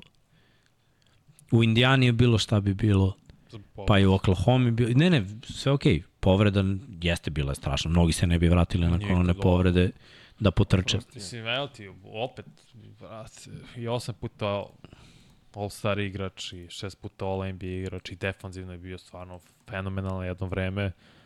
Verujem da je to, ta povreda oduzelo jedno dve godine njegovog vrhunca. Šta bi bilo, to ne znam. Možda bi Pacersi došli do finala eventualno. A možda, znaš, a ne možda znam, i ne bi, jer tako bila situacija nisu. Ja verujem da, da je Grant Hill ostao zdrav, da je bio... Pa to je priča sa mnogim igračima. Bruka, bruka igrač. To je priča Penny Hardaway, to je priča Derrick Rose i tako dalje. A Paul George je uspeo se vrati sa ove povrede. I kad igra u Oklahoma bio je top 3 u MVP glasanja, pošto držite se pipe na MVP glasanje i Paul George je bio top 3 u MVP glasanju te jedne godine. Gledaj, I on je po meni... Imao je on, imao je on dobre sezone, samo kada govorimo o ovaj ipak svih fenomena. Dobro, mesto znači 15, da govorimo 16. o eri, o dekadi, da, ali govorimo o mm -hmm. svih vremena. Previše previše ne, ne dostaju timska ostvarenja. Nema timsko Hvala, ostvarenja. On je samo, samo igra finale konferencije sa Pacersima i tu je nalazi uspeha, ali ono što je trebalo da eksplodira ovo sa Clippersima. I nije se desilo. Ma trebalo je u Oklahoma pa se nije desilo. Nije, ispali su prvi rundi od Utah, čini mi se. Ne, od, izvini, od Portlanda. Samo Lillard, kad ih sidestep, Ćao zdravo. Poslao kući i bukvalno ono, rastavio taj tim. James Worthy smo videli tri puta o NBA šampion, učesnik finala, 7 puta. I on je bio MVP NBA final, zato je 11. poziciji. Možda nije on ispunio, što on je North Carolini bio pa reviše dobar igrač. On je sa Jordanom. Srki, peci malo klimu, ljubim te. Radi klimu. Ne, ne, ugasi. Pojača. A. O, je, a, udarila hladnoće, jeli? Mm. Vidi, naježila mi se ručica. Cirkulacijom. pa vidiš da nakožila mi se ježa. Sve je prešlo u boju. hit, hit. A to je to, sem Granta Hilla, koliko sam zaboravio, mislim nisam ga zapravo stavio u top 15, trebalo je Ali nije na šta nema... to, da li je trebalo ili nije. Opet to je isto priča kao ono što smo rekli, Tracy McGrady, kao Derrick Rose za, mm. za mhm. pleve. Ti ako izoluješ te ono, dve sezone Derricka Rose-a, Tracy McGrady i Granta Hill, oni su, znaš, te dve, taj uzorak mali, ali ubitačan. To, to je neverovatno. To, znači, to, je nik, to neke stvari su nikad vidio. Derrick Rose, tu brzinu, taj način na, na koji se sve atleticizam bez, a opet elegancija, nikad nije viđeno imao si ti bes, imao si on, divljaštvo, brzinu, je... ali nikad sa tom elegancijom, s tom dozom, znaš, tako mekano da se odradi rolling i iz toga u kapuljaču, mm. glava na obruču, sa 1,90 To je nerealno da vidiš. I još mnogo nekih poteza, isto kao Tracy McGrady, njegovi potezi, isto kao Grant Hill kad se pojavio, ja sećam onog Gold Stara prvog, prate, Grant Hill prvih 4-5 šuteva, to je tako lepo. Znaš, tačno vidiš, u, ovaj momak će da bude opasan igrač. I ono, krenule su reklame, krenulo je sve, krenula je priča i, i na kraju ništa. Hajde da se setimo još nekih ovaj, koji bi ja, mogli... Pišu ljudi, ja stavio Pišite, eto, pola Georgia, pre svega, ja obožavam da gledam kako on Neko igra. je napisao Darius Miles. Ne. Nije to bio tajnije. Talent, da li igrač, ne. Kažem ti, sin od Carmela Antonija rekao da je njemu najbolji igrač Paul George. I ljudi pa cene tako igru, ta mekoća s kojom igra George, tehnika, veština, lakoće, ne, ja to nisam stvarno vidio za nekog ko ima 2.05 da se tako kreće. Ali opet njegov pik, znači najbolje od Paula Georgea mi nije kao najbolje od Erika Rosea, najbolje od Tracy McGrady. Nije, ne, ne, nije, ne. Ja samo pričam ja o Samo generalno bio viš, više, više bio zdrav da pokaže nešto da. od njih. Iako je proživao jednako teško, da. Pa Pa ono mislim da je otvoren prelom, ono je gori od bilo šta. Možda je Ahilova jedino gora od toga, ali ono... Brate, verovo ili ne, taj prelom kad se desi, ako je čist prelom, nije teža povreda od Ahilove ili prednjih Ne, ne, nisam rekao od Ahilove, samo od uh, Ili prednjih ugrštenih. Taj, ako je čist preo. Ali ako ne nije čist, da ako nije, čist, ali ako ali... nije, ne mogu nije. Ali nije ni, brate, povreda je strašna. Yes. Ali ono, u NFL-u sam je vidio 10 puta da se ljudi vrati, ja se pitam kako. Samo što drugačija je konstitucija tih igrača. Paul George je prilično visok, brate. Onako da pukne, no, znaš, nekako mi je delovalo i se nikad neće vratiti. On se vratio odradio 360 sve trenjaču. To su... Ludilo. Ne, iz utrčavanja, iz backdoora, on je radio 360. Sad prošle godine. Kažu, Kako to radiš? Alex English, Malin i Bernard King. Bernard, Alex English, ok. On je, mislim, postigao najviše poena za jednu celu dekadu 80-ih. Da ima to oko... 26.000 poena. Ukupno, ne, u dekadi. 7 godina preko 25 poena po meču. Scoring da... champion Hall of Fame. Može Alex English, što da ne.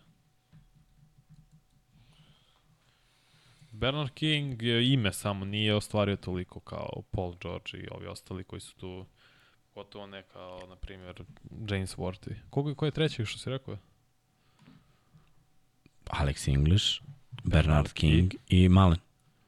Kri, Malin je imao period, taj 5-6 godine, tad je bio all-star igrač Chris Malin sa Warriorsima, ono, Run TMC, bukvalno, tad imali su prelep nadimak, ali to je taj period sam bio, levoruki šuter za 3 pojena, nezgodan, užasno, ali nije imao karijeru kao Paul George, na primjer, kao Carmelo, kao Jimmy Butler i tako dalje. Alex English je bio 8 puta All-Star igrač. Može i onda se ubaci tu.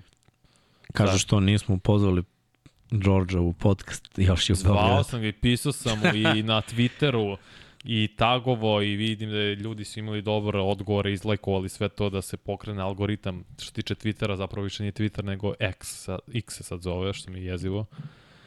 Ali dobro i pisao i na Instagramu i sve i nisu odzao čovjek. Otišao da uživa sa Bobijem, piju rakiju tamo u Grčkoj i sa zubcem zapravo prave žurke, tako da ono. E, pa možda i ovaj naš drugar da dobio poziv. Evo me ne, Larry čuo. Johnson, šalimo se Srki, samo te zezamo malo. Da je, ima žurku sa, Paulom, sa Paulom Georgeom, pa je rekao, setili smo se tebe. Da, pa stvarno nije u redu. Šalim se, može slobno, izvini što smo te iscimali. Da, Alex English je treba, treba da bude i on sa Grantom Hillom, eto tako, to, to je malo produženija lista, ono, 17-18 igrača. Ali nema puno, ne, stavio sam te novije zato što zaslužuje, ja mislim da Carmelo zaslužuje da bude tu top 15, za Jimmy Butler isto, ok, Paul George možda da treba i English i Grant Hill ispred njega, ali on je ostvario podjednako koliko i oni. Nisu oni imali više puta All-Star i uh, pojavljivanja od Paula Georgea i tako dalje. Tako da stvarno je tu na, sviđa mi se predlozi, super su. Ali Bernard King isto nije bio... Da, nije bilo toliko, pazi, zavisi za, za koju poziciju. Uh mhm. -huh. Negde je jako teško nabrojati 15 velikana na nekim pozicijama, ti je 20 malo. Mislim da je ono, pozicija krila, možeš da nabrojiš dosta igrača, ali je zapravo te veličine nije liga bila toliko naklonjena krilima da krila budu... Liga je sad njima naklonjena. Na, naj, ono, nosioci igre i svega. Pa mi imamo tri igrača koji igraju sada.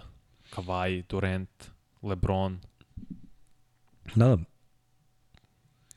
Uh, ajde, ajde idemo na ta pitanja i odgovor. Ljudi, pucajte, pišite, imamo jedno pitanje, kaže mišljenje o Jokiću što je odbio reprezentaciju. A bilo to i gore nego rekao, ajde sačekamo ovo. I još nešto je bilo Pa ne, Mislim da je Bojana okay. pitala tebe za Herberta, pa ajde to, to su dva pitanja. Herbert, super, drago mi zbog ugovora. Izašla je ova lista, to vam pričati od strane ovog uh, The Athletics sajta gde su treneri, generalni menadžeri, skauti, ofa, koordinatori birali najbolje kvotrbe koji stavili po tirovima i to da je nazove kategorijama, nivoima i vidio sam da su ljudi pisali kao zašto je, su Lamar i pre svega Hertz u kategoriji ispod Herberta, zato što je ovaj bolji dodavač, meni makar.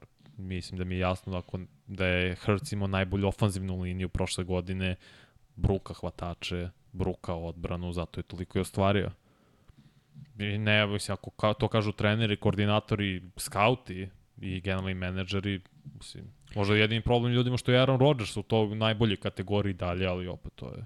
Ma dobro, ma to su sve, brate, samo bilo pitanje vremena kada će Herbert i Buro dobiti da budu najplaćeniji, jer da. tako ide. Pazi, to je pozicija od koje zavisi sve, najkompleksnija pozicija. Tako je. Mahomes je već odradio svoje kad je potpisao ugovor koji nikad neće biti... I verujem da će sledeće godine uh, za, uh, menjati njegov ugovor, da bude opet ali, on među najplaćenijim. Pretumba će da bi on kao bio najplaćeniji, da, da. ali on je dobio jedan ugovor koji nikad drugi neće dobiti. Tako Ovo je. ostalo svi dobiju sličnu priču, 4-5 godina, toliko i toliko para mm -hmm. i mhm. razlika je ono, lupam, nekoliko miliona. Ali viš kako se vraća nije... to, izvinite što te prekinem, pre je bilo ugovor i klasični za kotrebe koje je 4-5 godina, određena suma, određen za garantom. Pa onda kasnije se to malo promenio. Dve, tri godine, sve za garantom. Pa to ono što ti pričam, sve se vraća. I ovo što sad proživljavaju mm -hmm. ranim bekovi, i toga je bilo pre. I toga će biti opet. Uh, za ranim bekove, za safety i linebacker, to su manja tržišta, razumeš? Najveća tržišta zbog evolucije sporta, quarterback, edge rusher, corner. I onda ono, hvatač. tržišta koja idu uz to hvatač. I to je nešto što, što će uvek da bude tako. I opet, kad govorimo o nekoj produktivnosti, mnogo je lakše manja da uhvatiš 1000 yardi nego da ih istrčiš. Ja mogu da, ti možeš da uhvatiš 10 yardi, a te pipne jedan igrač, jedan korner. I to je kraj akcije. A da istrčiš 10 yardi, vrlo verovatno ćeš da prođeš kroz 10 igrača i Znaš, uopšte nije lako. Zato je sve drugačije. A što se kvotrbeka tiče, oni treba da budu najplaćeni, jer je stvarno naj, od svih mm. timskih sportova najkompleksnija pozicija računajući atletske predispozicije i, i ono, Intelekt. tako je, razumevanje igre, proučavanje, studiranje, gledanje danonoćnog filma, imanje smisla, razumeš, to sve zahteva pozicija. Kao moraš da znaš svaku poziciju gde se kreći u svakom Tako momentu. je.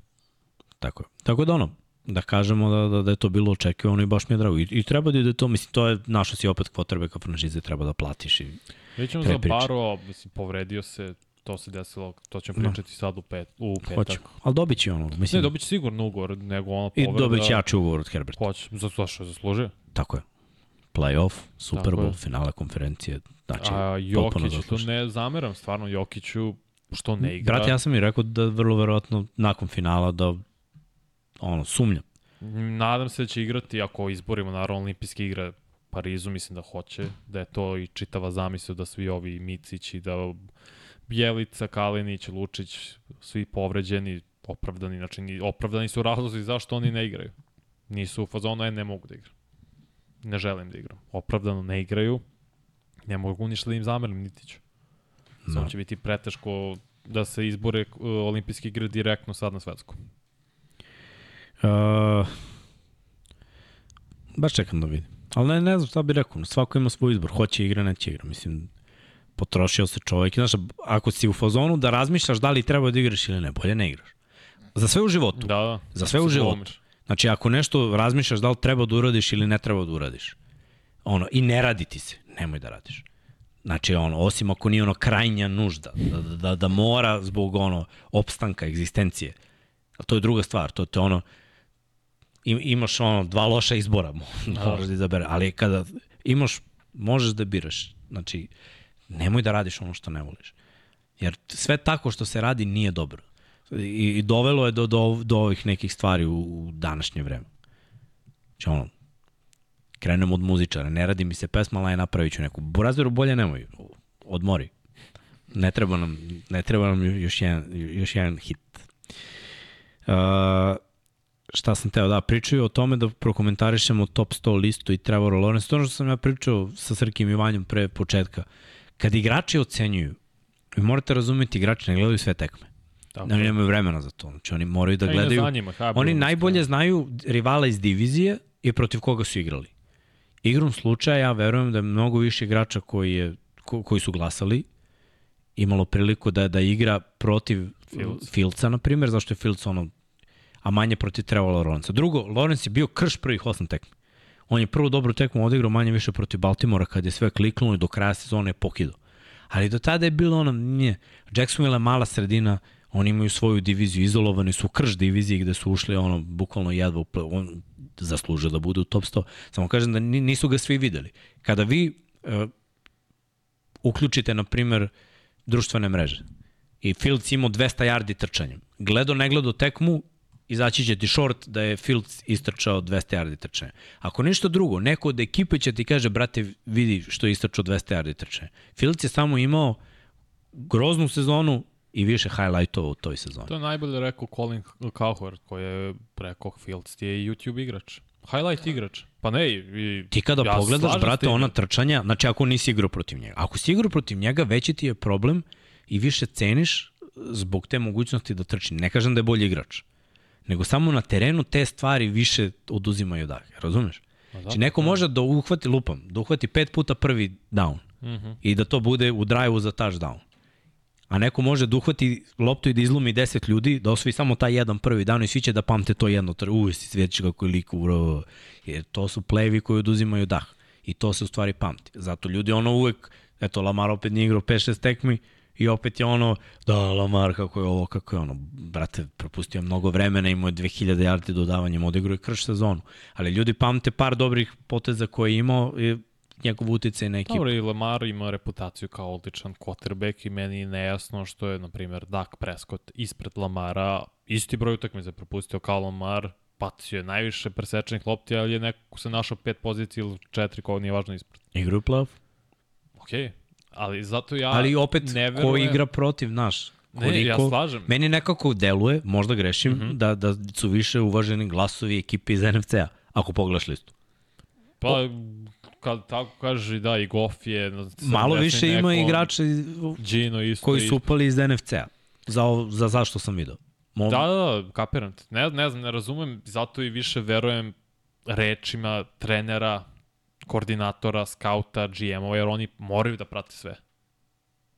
To je njihov posao prosto, oni moraju da prate sve, vole futbal, znaju, futbal gledaju, sve utakmice znaju igrače, pogotovo što moraju da skautiraju protiv većine, dok igrači realno ne, ne gledaju utakmice, neke i ne zanima.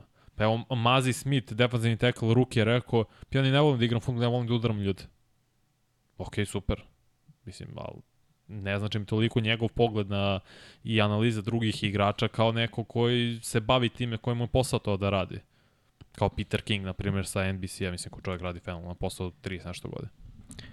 Zato ne mi smisla ovaj spisak top pa 100. Pa ima, brate, to je njihovo, to ne može da nema smisla, to su igrači, brate. Ono okay. što su oni videli, to ima smisla. Samo o, hoću da kažem koja je razlika u stvari kada ti analiziraš statistiku, jer se igrači nikad ne vode statistikom. Igrači pamte poteze. Znaš, nikad ne, nisam zapamtio koliko je neko imao teklova na tekmi. Ali uvek znam ko je linebacker i koliko puta je koga oborio na kom delu terena ili kad sam promašio blok ili tako nešto. Ali, znaš, igrači se ne vode statistikom. Niti znam koliko je ovo istračio yardi, niti mogu da znam koliko je neko uhvatio touchdownova ili tako nešto, jer to kad gledaš tekmu znaš. Ali uglavnom pamtiš te neke potezi. Naročito igrači, evo, Srki je igrao malo i odbranu. Može da ti kaže tipično razmišljenje jednog defanzivnog igrača. Znači, šta njima ono, o, o, šta oni pamte? Oni krenu da rašuju kvotrbe koji ne vide ništa što se dešava iza. Znači, samo će da zna, saznaju da je prvi down ili nije, da, da im je kvotrbek bacio loptu ili nije, ili running back nešto što je istrčao. A oni imaju isto pravo glasa, razumeš? I oni će glasati na ne, sa nekim totalno drugačijim kriterijumima. I nisu svi zaljubljenici u sport da gledaju, analiziraju. Pa, I... Da, ja, ću, ja bih preglasao za running backa nego za hvatača, jer ne, ne, ne vidim Tako šta ove radi izabod. To, pa šta vidiš? Znači, Mislim, samo vidiš produkt na kraju šta se desi. Da. Ili vidim Kubea koji baca ovo iza... Uh, pitanje je dosta. Da li ide live u petak 99 yardi? Ide. ide. Gde Peđa spada na listi krila? Stojaković. Pa ne znam, oko 20, ne mi pao na pamet. Ali jedan od Dobro, on je, on je ono, jedan od najboljih šutera. On je, pa ima i on probleme sa povredama leđa i sve to. I to je njemu oduzelo od karijere. Da li se plašiš sastavljanja top 10 centara? Ne. Zašto bi se plašio? Zbog Jokića, pa tu je negde 7. 8. Pa, mislim, realno. Zar nisi Dive sklopio tu listu? A? Pa nisam sklopio Aha, u glavi znači, da, da, da, da, od prilike, mislim, znam koji su top 5. A piše tamo u planu. Da, da. Već, komar se ozbilješ malo. Najgore će uh, biti krilni centar, verujem. Pozicija 4 zapravo, tu, tu je najveća muka. Kaže, Jackson dobio otkaz na ESPN-u, šta mislite? Pa, koliko sam Grozno. ja skapirao, svi seku Strašno. Ja da, baš je krenulo ono, seci, otpuštaj, pre, pretumbaj. šta radi. Tu, veli, tu trojku komentatora Jeff Van Gundy, Mark Jackson i Mike Brini, to je Brin zapravo, ili kako se već prezio čovjek, to je bio to vrhunski su radili svoj posao, meni nije jasno zašto to ESPN radi, koliko je ljudi dobrih, kvalitetnih otpustio posle mes dana i koga sada su napredili i šta stavljaju da im budu TV lica neki ljudi nisu to taj posao. Doris Burke, recimo, ja mislim da ona zaslužila da radi to NBA finale, da bude komentator, jer je 30 godina na ESPN-u, radi sjajan posao što se tiče izveš, uh, kao izvešti, izveštavač NBA-a i pokrivane i radi stvarno sjajno. Dobro, posjeduje znanje. Ali, mislim, ne znam da li može bude dobar komentator. To je skroz Dobro, zna košarku analizira. Sad, pitanje je opet, uh, ne dovodim toliko pitanje znanje koliko da li ljudi relativno više vole da čuju muški glas ili ženski. Zapravo je absurdno što pričam o tom, ali mislim, mislim da... Pa to je jeste tako. Ne, nije mislim da, da jeste tako. Jeste tako, jer ima period, mislim, vidio sam na Twitteru, ljudi su izvukli klipove gde ona kao komentator u porti Bostona i Filadelfije čuti 4-5 minuta poslednjih. Ne govori nijednu reč. Vidjet ćete ulozi komentatora. A, da, ra, Kad te budem statistički izvuko tamo dva minuta da razgovoriš. A, da, jedan febe drugo. Ali hoću da kažem, ona je zaslužila, nije mi jasan potez Doka Riversa da on bude ne znam zašto, čime je zaslužio to super je trening, sve to, sad bude komentator umesto jednog Marka Jacksona koji je radio toliko NBA final posle 5-6 godina. Tako Znaš, zasite se ljudi idu, idu dalje. Nije to ovaj, Ma, ništa čudno. Skraćuju Naći će oni novi posao, nemoj ti da brineš za njih. Ma ne brinem ja za njih, nego me brine kvalite koji će oni izbacivati, jer ja to gledam. Znam, ali... Je grozno, ja jedna, mislim, ško, sad ovo što se get up, što me menjaju sad konstantno ljude, ima par osoba koji stvarno su neslušljivi, koji lupete gluposti. Mikse, kunem ti se, ja ne, znam da bismo mi radili mnogo bolji posao. Dobro. I to ne kažem zato što smo mi, nego zato što stvarno su ljudi neslušljivi, i nemaju to u sebi. Možda super rade kao reporter, pokrivaju dobro tim bit uh, writeri, oni čuveni, ok, a nisi za ovo. I mislim da zato ESPN sebi baš je napravio štetu i umanjio kvalitet programa. Ali dobro, to je njihova stvar. Pa, to ćemo tek da vidimo. Opet imaju drugo neko tržište. Uh, komentar kratak Kemba u Monaku. Sjajna stvar top za Euroligu i za Kembu koji će imati dobru platu i će u Monaku. Znate, nema pritisak američkih medija Ma da. da mu pričaju da je loš ili Kemba vrhunski Kembica, da, ozbiljan basketaš. Neće i morati da igra svaki drugi. On je iz Njurka beše, da? Da, da. da. da. Ima tač, tačno neke super za ulične bloker. fazone koje ima. Bolje bude da igra u Euroligi nego Blay na klupi ne može da uđe u NBA zato što neki a, a, eksperti misle da on ne može da igra, što je glupost. U Evropi vala može i tekako. Ja, mišljenje o situaciji sa Lillardom, hoće li se izboriti da ode u Miami? Pa, meni, znaš kako deluje ovo, da dve ekipe samo mogu... Ko je drugi? Pa ja zapravo imam tu teoriju i dalje da mi je ono, Boston ekstremno super tim. Aha, pa dobro. O, za Browna, ok, ima smisla. Ja sam mislio misliš na Nets, ali mislim da će biti Dobro, Miami. Dobro, to je realno, samo se ja mislim, ja mm -hmm. mislim da se njemu ne isplati. Ja gledam o šta se njemu isplati. Da, da, kapiram, kapiram. Njebe, njemu se isplati da ode u tim koji je već bio u finalu Poslednji ovaj ili onaj, mislim. Mm. Mislim da će desiti Miami, ne sviđa mi se to što je NBA kao da izdao saopštenje i u, u suštini upozorenje za Lillarda i njegovog agenta kao nemoj, ako budete išli ponovo da pričate drugim timova da nećete igrati za njih ili ćete biti nezadovoljni, kaznećemo vas. A što je radio James Harden, što su radili zapravo James Harden Ben Simmons godinama unazad.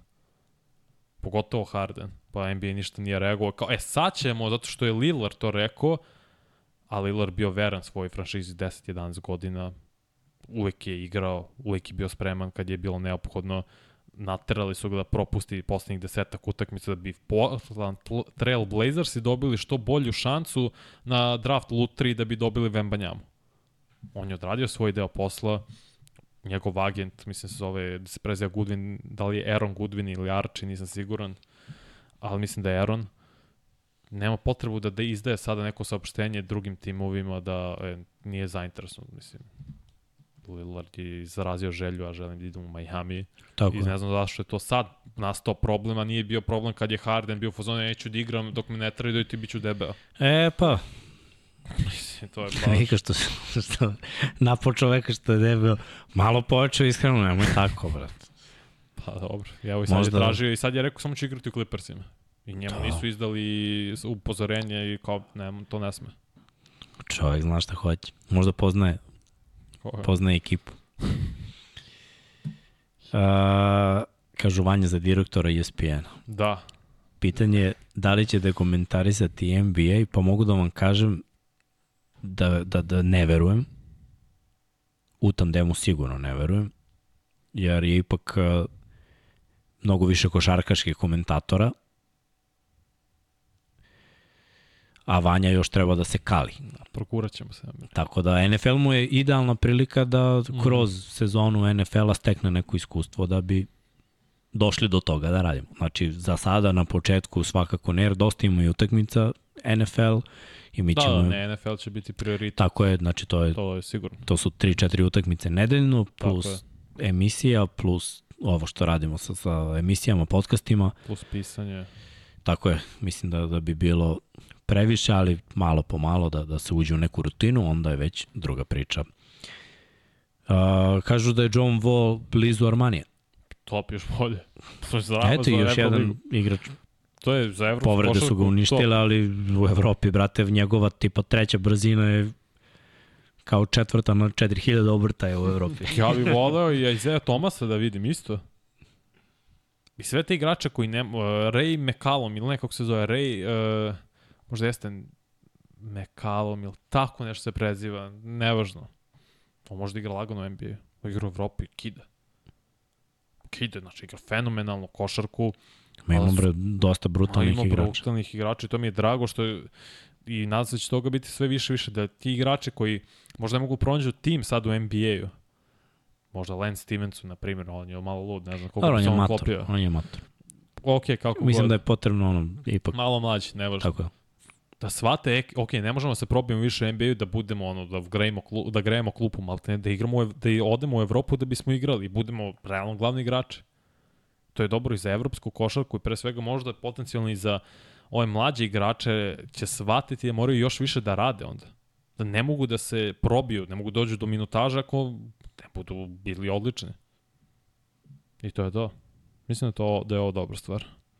Mislim da je hrvatski mladi centar otišao na college, da li na USC ili ne znam gde, zato što je dobio NIL deal.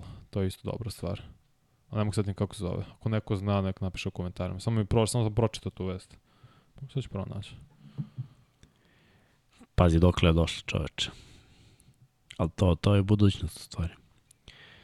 A, Kažu da mnogo pričamo o futbolu i da ne možemo da se strpimo dva dana do 90. Ne možemo, žao mi je, teško je. A imamo i pitanje. Da. Oh. Kaže, vaše predikcije za top 5 na listi top 100. Zvonimir Ivišić je taj dečko, izvini, koji ima 2.15, igraće za Kentucky. Top. Svaka mu čast. Tako da, eto, obra... top 5, Mahomes, Justin Jefferson, Barrow, Kelsey i... Bukvalno, da, smijem se zato što je lik to napisao. Ne, Kalu, izvinim što te zovem Luka.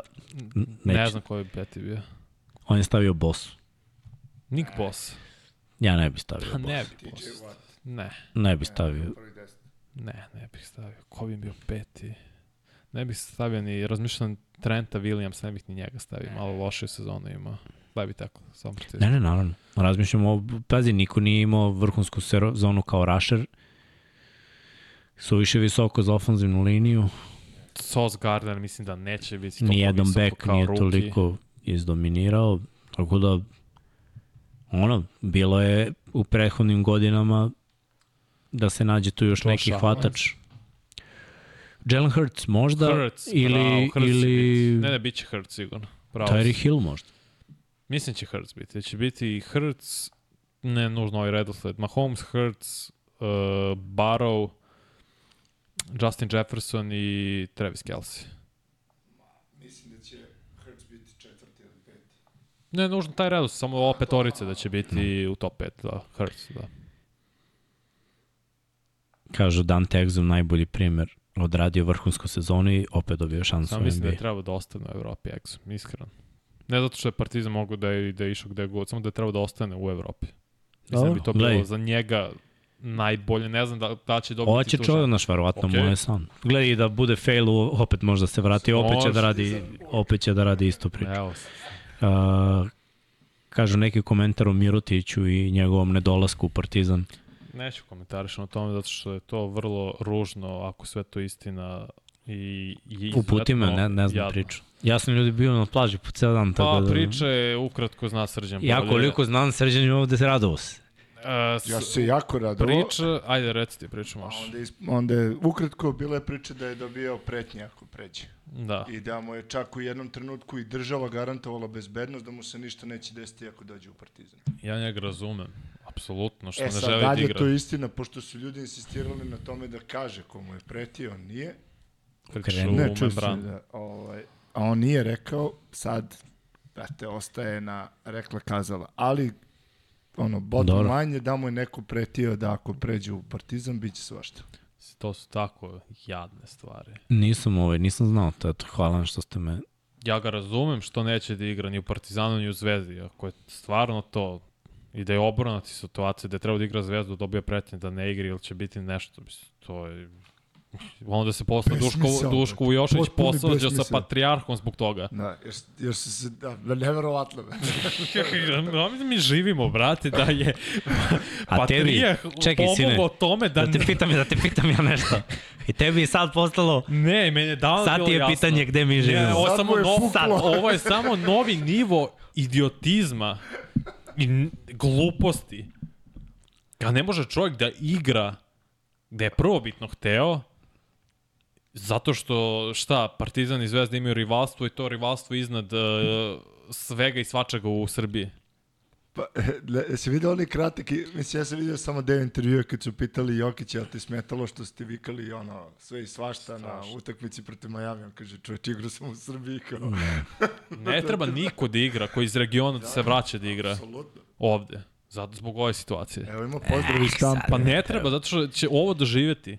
Misli ti ko je to stres? A... Ne mogu zamisliti ko je to stres, pogotovo za čoveka koji ima A, porodicu brate, i sve. to ti je uvek stres dok ne dođeš i onda kada dođeš i kada vidiš nije ti više stres. Ja prvi put čujem da, nekom, da, su, da su nekom prijatelji zašto da ide u neki klub ovde. Prvi pa, put. ne pratiš, ja, ja znam, ne pratiš ja naš futbol, brate. Kako se zove ovaj što je prešao iz Olimpijakosa u Panathinaikos? Ne, ne, ne, ne, ne, ne, ne, pričam za ovde. A, pa, šta misliš da su oni manje ludi nego mi? Ne kažem da su manje ludi. Ne znam šta, šta će biti, ko je sad prešao play ovaj uh, Levoruk i Lukas. Je prešao iz Olimpijakosa da, u Panathinaikosa. Pa, prešao je i... Nije Spanulis. Spanulis, Spanulis je prešao iz Panathinaikosa. Bilo igrača Ali ja ne pamtim da je ovo javno ovako bilo. I da je ovo... Država pozabavila... Dobro, patrijarh. mi smo, mi smo jedan hodajući reality. pa sve mora da, da bude kaže, tako. Sad čuvaj, Bože. ja ne mogu da verujem. Ne, ne mogu da verujem. Šta znam?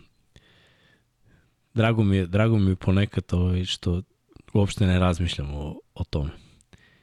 Ne razmišljam ni ja, nego mi to, on ne mogu da ne pročitam o tome, jer mi samo stižu obaveštenja i vesti svuda na sve strane o toj situaciji, da ja niti me zanima Partizan, niti Zvezda, stvarno me nije briga.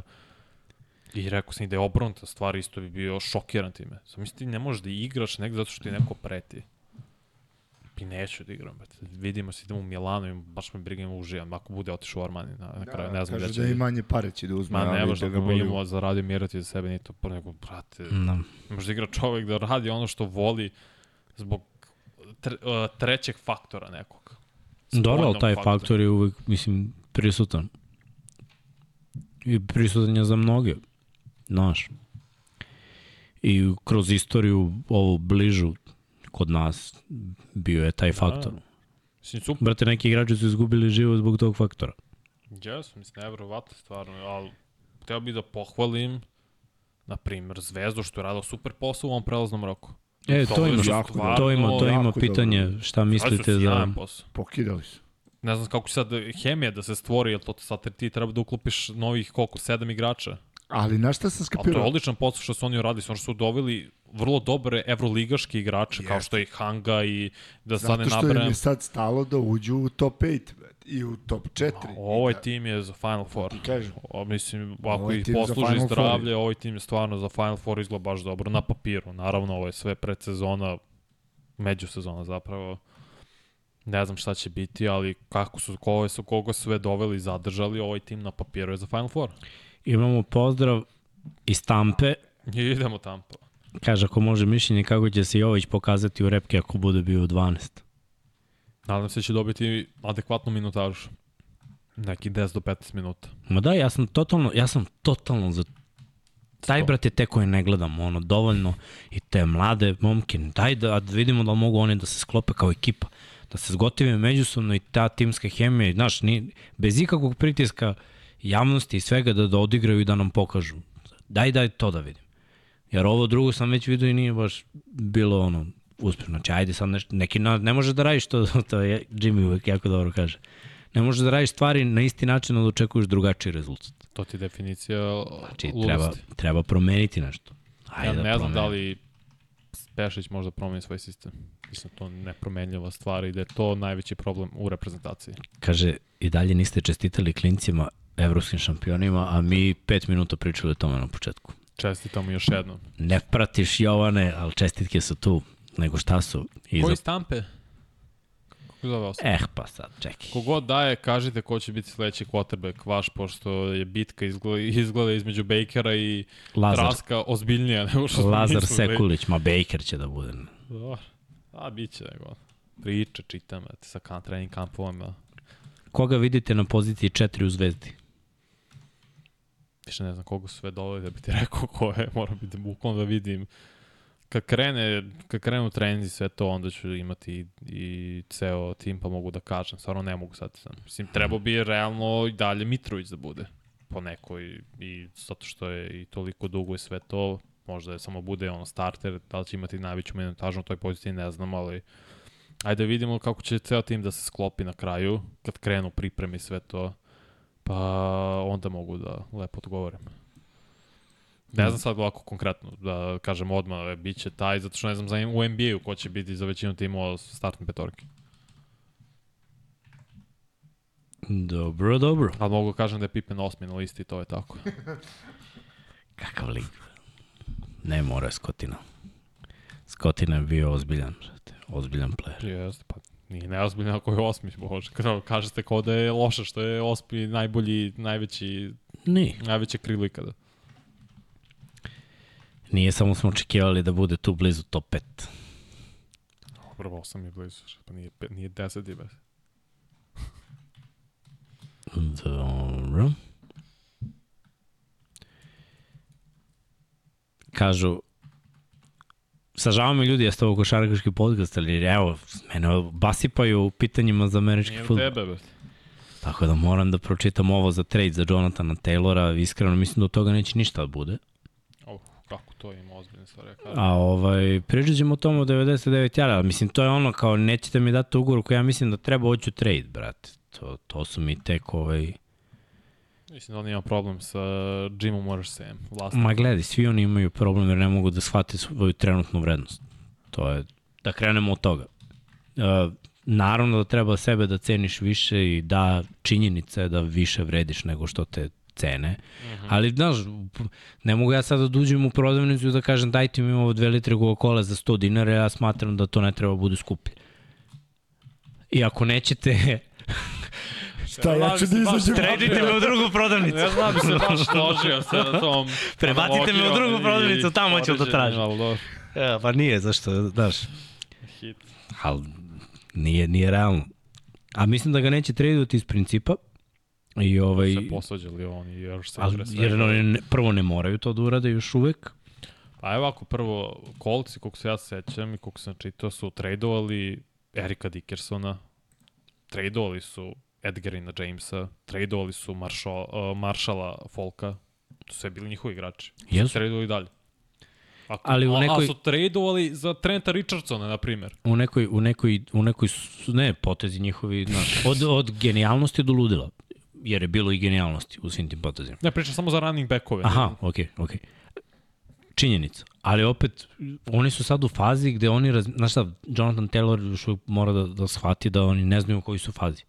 Za njega jeste bolje da ide dalje. Jer meni deluje da su oni u rebuildu, ali ja mislim da kolci nisu spremni da priznaju da su u rebuildu. Ok, Mixel. Pa nije da Taylor ima 23 godine. Od ne, ne, kopa u rebuild priču i imaš quarterbacka na ruke ugovoru. Znaš šta je problem? Zato što meni deluje da je ta rebuild priča osuđena na četiri godine. Zbog toga što mislim da quarterback nije taj, što mislim da će da se... Mislim, okay, da, da, dobro. tvrdim. Okay. To, to je moja Dobro, bold prediction. Okay, okay. Možda grešim. Dobro. I mislim da će krenuti u rebuild i posle dve godine, tri, shvatiti da, ko sa Kylerom Marem, to je isto Arizonim propali rebuild o kom sam ja pričao. I sad idu opet u rebuild. Koliko su godina propustili? Pet.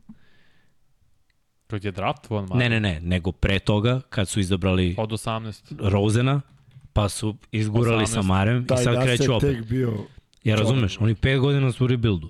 I sad zamisli da je tamo bio neko ko čeka kao, ok, sledeća godina je moja i sledeća, to ti nije garantovano u NFL-u. Tako da za njega jeste bolje da dok je još u vrhuncu sposobnosti i dok, jer ipak taj rok trajanja running backova je kraći, da ide negde. Samo što ja mislim da on želi da ide negde da bi opet i tamo tražio iste uslove. Ja verujem da svi oni žele 15. A opet smo pričali prošli put da je ono 12 mnogo. Kako NFL to vidi. Ne, nismo mi da sudimo to, nego NFL jednostavno to vidi na neki drugi način. Dobro. I da te pare neće dobiti nigde. A oni mogu sada zbog ovog zbog njege, ne, njegove neke prepotentnosti, čisto da bi im pokazali nadmoć, mogu da ga ono zezaju bez veze. Ni, mislim da nije trebao, znaš, njegovo je bilo da igra i da traži ugovor i ako ne dobije ugovor, da samo razmisli o tome šta bi mogao dalje, a ne hoću trade. Hoću trade nije najbolje rešenje, nikad, po mom mišljenju, za pozicije takve. Drugo je kada hvatač kaže hoću trade, jer je to ono, pozicija koja danas može da bude tradovana i da se uklopi, jer je manje više isto. Vidjet ćemo. Baš me, baš me zanima ta situacija s njim. Jer gledaj, Dalvin Cook je dobio cut, verujem da će, da će i Jacobs. A oni koliko ja znam... Jonathan Raiders Taylor je i... jedan od tih top 10 u mojej glavi koji takođe može da dobije igrač. doviđenja. Ba, to ti kažem, no, mnogi će dobiti ono, shoot kartu. Ne, mislim da pregovaraju Raiders i sa Jacobsom da ostane. Nije mi jasna stvar kolca, jer prvo nisi u poziciji da izvoljavaš, aj tako kažem, no. jer si loš tim. Yes. On ti je najbolji igrač u se, timu. A sedi se do Shona Watsona, isto što sam ti pričao. Njima se ne isplati da budu kreteni prema njemu, ali bit će iz principa. Ko Texans? Da. Dobro, to je i... I bili su... Ok, zato oni su imali plus. Ovo će da bude zato, slična priča. Zato što je ovo imao probleme van terena. Ali samo, je ono, Taylor... samo je ono bio, brate, i to je pitanje da li ima, ali... Da. Da, da li je bilo napakovano ili šta je bilo da je bilo. bilo. Ok, da kažem da je bilo jer tako se percipira sada, ali Jonathan Taylor nema problema. Prošle godine propustio tri utakmice što se ofenzivna linija raspala i igra kolca se generalno raspala i uvek smo, makar ste ti Jimmy zapravo dovodili do pitanja kvalitet Franka Evo ga Mile! Da si e, Mile! Pozdrav Mile. Kaže, opa, split screen, imamo i to. Da, da. Pozdrav za Jao Mileta. Nadam se da ste odgledali njegovu novu epizodu. Ali kažem ti, ono, do, dovodili smo pitanje Franka Rajha, koliko je on dobar glavni trener, uprkos tome Jonathan Taylor je u dve, prve dve godine bio jedan najboljih running backova prošle godine, mali pad zbog te mini povrede i loše igre napada, celog napada, cel napad kolca se raspadao, ofanzivna linija se povređivala, nije imao ko da, da blokira malte ne. Ti imaš na, to ti najbolji igrač u timu i ti radiš ove stvari i onda Jim Irsay sa onim komentarom da nakon što ja umrem i Taylor nastavi dalje, kao mi ćemo biti zaboravljeni, ja te kunem ti se, on je, to ću reći u 99 yardi, on je sada postao najgori vlasnik u NFL-u. Nakon što je otišao Dan Snyder iz Washingtona. Jay Mercy je najgore vlasnik u NFL-u. Ne zato što je uh, jeftine i to sad dolazi do još većeg izražaja jer čovjek neće plati i onda i one komentare ima za running backove i sve to. A imaš running backa u, u, u svom timu koji je najbolji igrač u tvom timu od kog 40% napada malte ne, ako ne više zavisi i ti radiš ove stvari. A mlad je. Di, prvo, Ali toga ima svuda, brat. I sledećeg, ne, e sad ne znam, pokušavam da nađem, možda ti znaš, Jel mo, e, koliko i kako funkcioniše franšizni tag na igrača iz druge runde? Jel isto ili ne, nema, sve, za sve važi isto ili... Mislim da za sve važi isto. Okay, ne bi bio ni prvi ni posljednji koji je Pa Kirk Cousins ti je tagovana, nije okay, bio, okay, da, da, da, Cousins je bio treća, četvrta, treća, četvrta runda. Ok, ok, ne, čisto provere. Nisam, to. nisam mogao nađen da bude svaki slučaj sigurno. Cousins mi je najbolji primjer, da se sećam, ono, gde je bio kasnije draft. Uh, imamo još par pitanja, mm -hmm. pa možemo ponoć polako, ali sigurno da ponoć je već tu.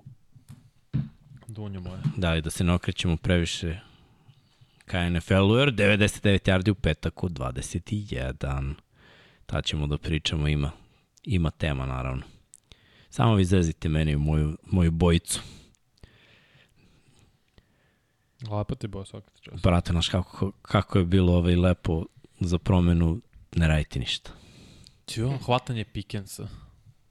Ba, brate, gledam, gledam od prvog dana kad je došao dečko. On samo u glavi da reši neke stvari i to je to.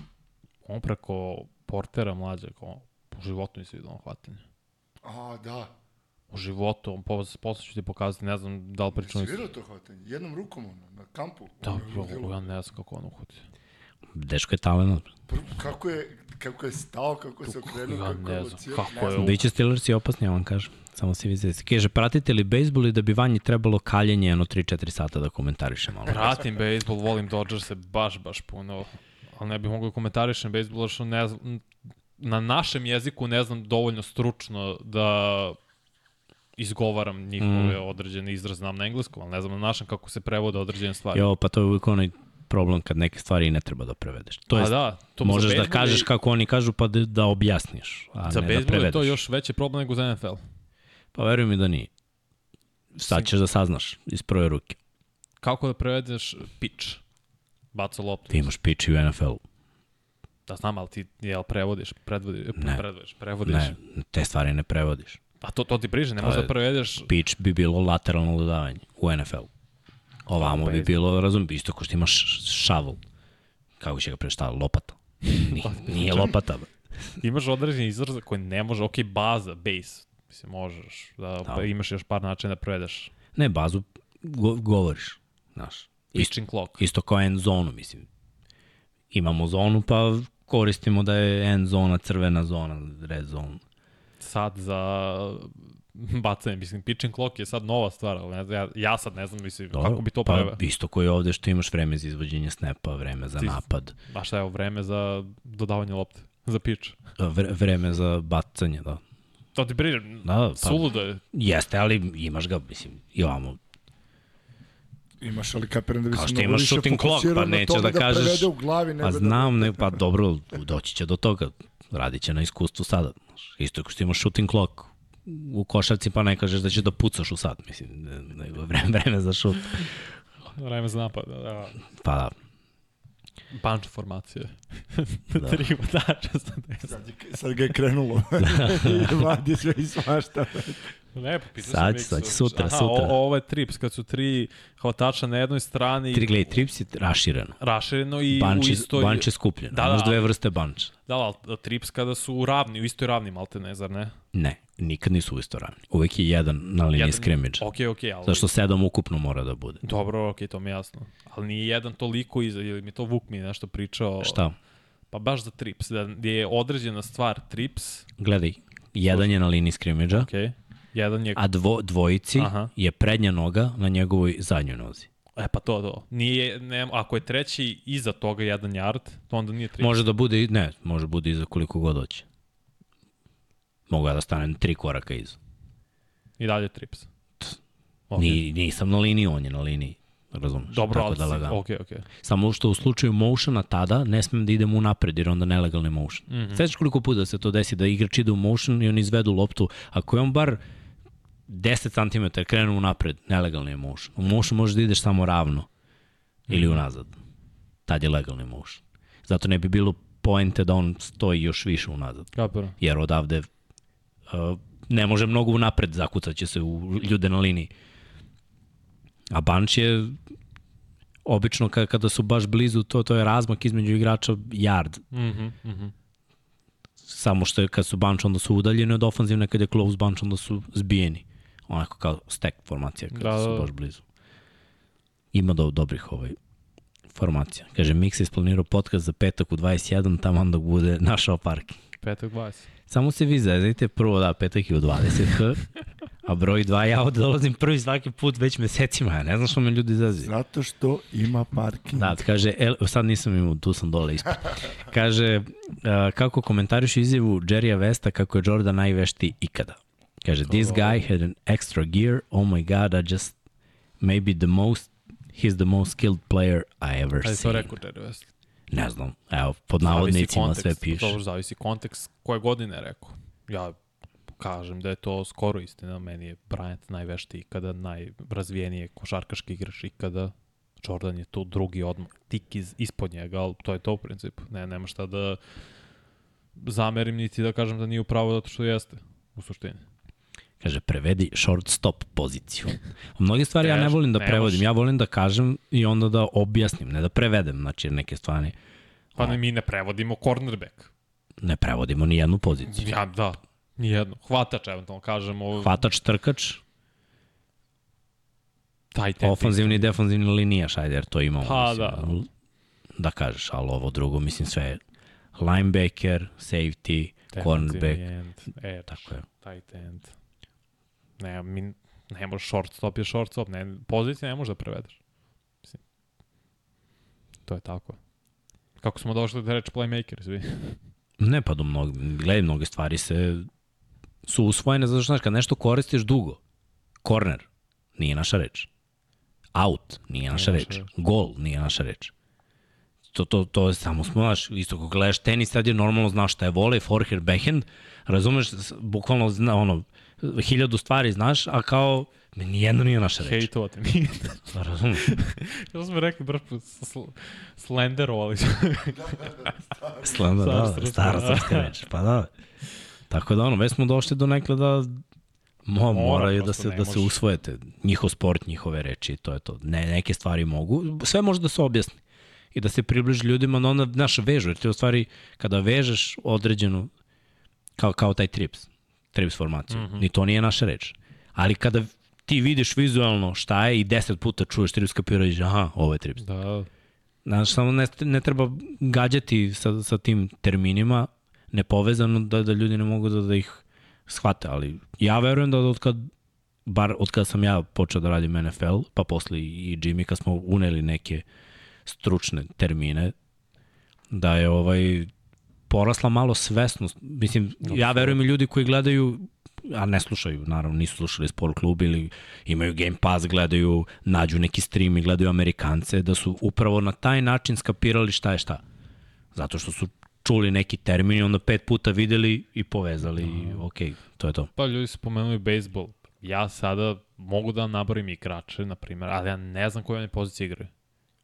Ili ti ako mi kažeš nekog igrača, ja bih rekao, aha, znam ko je, a ja na onom dijamantu da ti pokažem gde on stoji, ja ne znam. Ja ako pratim bejsbol, ne znam, prosto ne pratim ga toliko kao NBA i NFL, da mogu sad tačno po pozicijama, znam ko su određeni pičari, bacači lopte, jel te, loptice i tako to, ali ja ne znam sad da ti objasnim na otvorenom polju ko šta igra i gde i koje su mu, šta mora da radi zadužbina. Šta on mora tu, koje su njegovi zadaci ovde, ja to ne znam. Ne bih mogao iz tog razloga, znam statistike, neke informacije zanimljive, što pratim i zanimljivo mi. I znam da je Otani najbolji igrač trenutno, zato što radi jedno i drugo, predvodi ligu u home runovima, jedan od najboljih pičera je takođe, mislim, to se desilo jednom u 100 godina, to je Babe Ruth, a ovo je Da. bolje od njega. Babe. Dobro, ajde da, da privodimo kraju. Znači, napravili smo tu listu. Napravili, kad Pričali kažem o- mi, o- mislim, o reprezentaciji. mislim ovaj momak preko Ovo je puta. ovde dobio ugovor. Da. Dobro, to smo sve rečili, dotakli se malo tog šireg spiska repke, pa ćemo da vidimo, naravno, očekujemo prvo 99 yardi u petak u 8, da ispričamo još malo tu šta je bilo, kako šta i malo da sumiramo utiske nakon te prve utakmice koju Mhm. budemo pogledali. I onda sledeće nedelje Ponedljak. Pa da, vidjet ćemo još. Ne da, da ne govorimo tačno koji dan, ali sledeće nedelje planiramo eto dva podcasta jedan mm -hmm. na jedan, gde ćemo pričati o najboljim uh, krilnim centrima i najboljim centrima u istoriji NBA ligi. Pitaju te da li je Alex Rodriguez najbolji igrač bejsbola. Ne. Ikad nije. Ne, ne.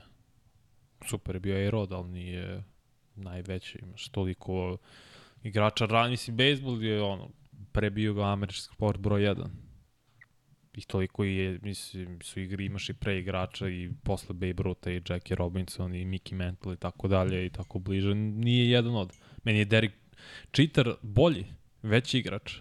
Jako nije možda bio bolji igrač, ali je osvojio više, mnogo je više značio timu, bio je pravi lider Yankees tog tima, tih timova zapravo šampionskih.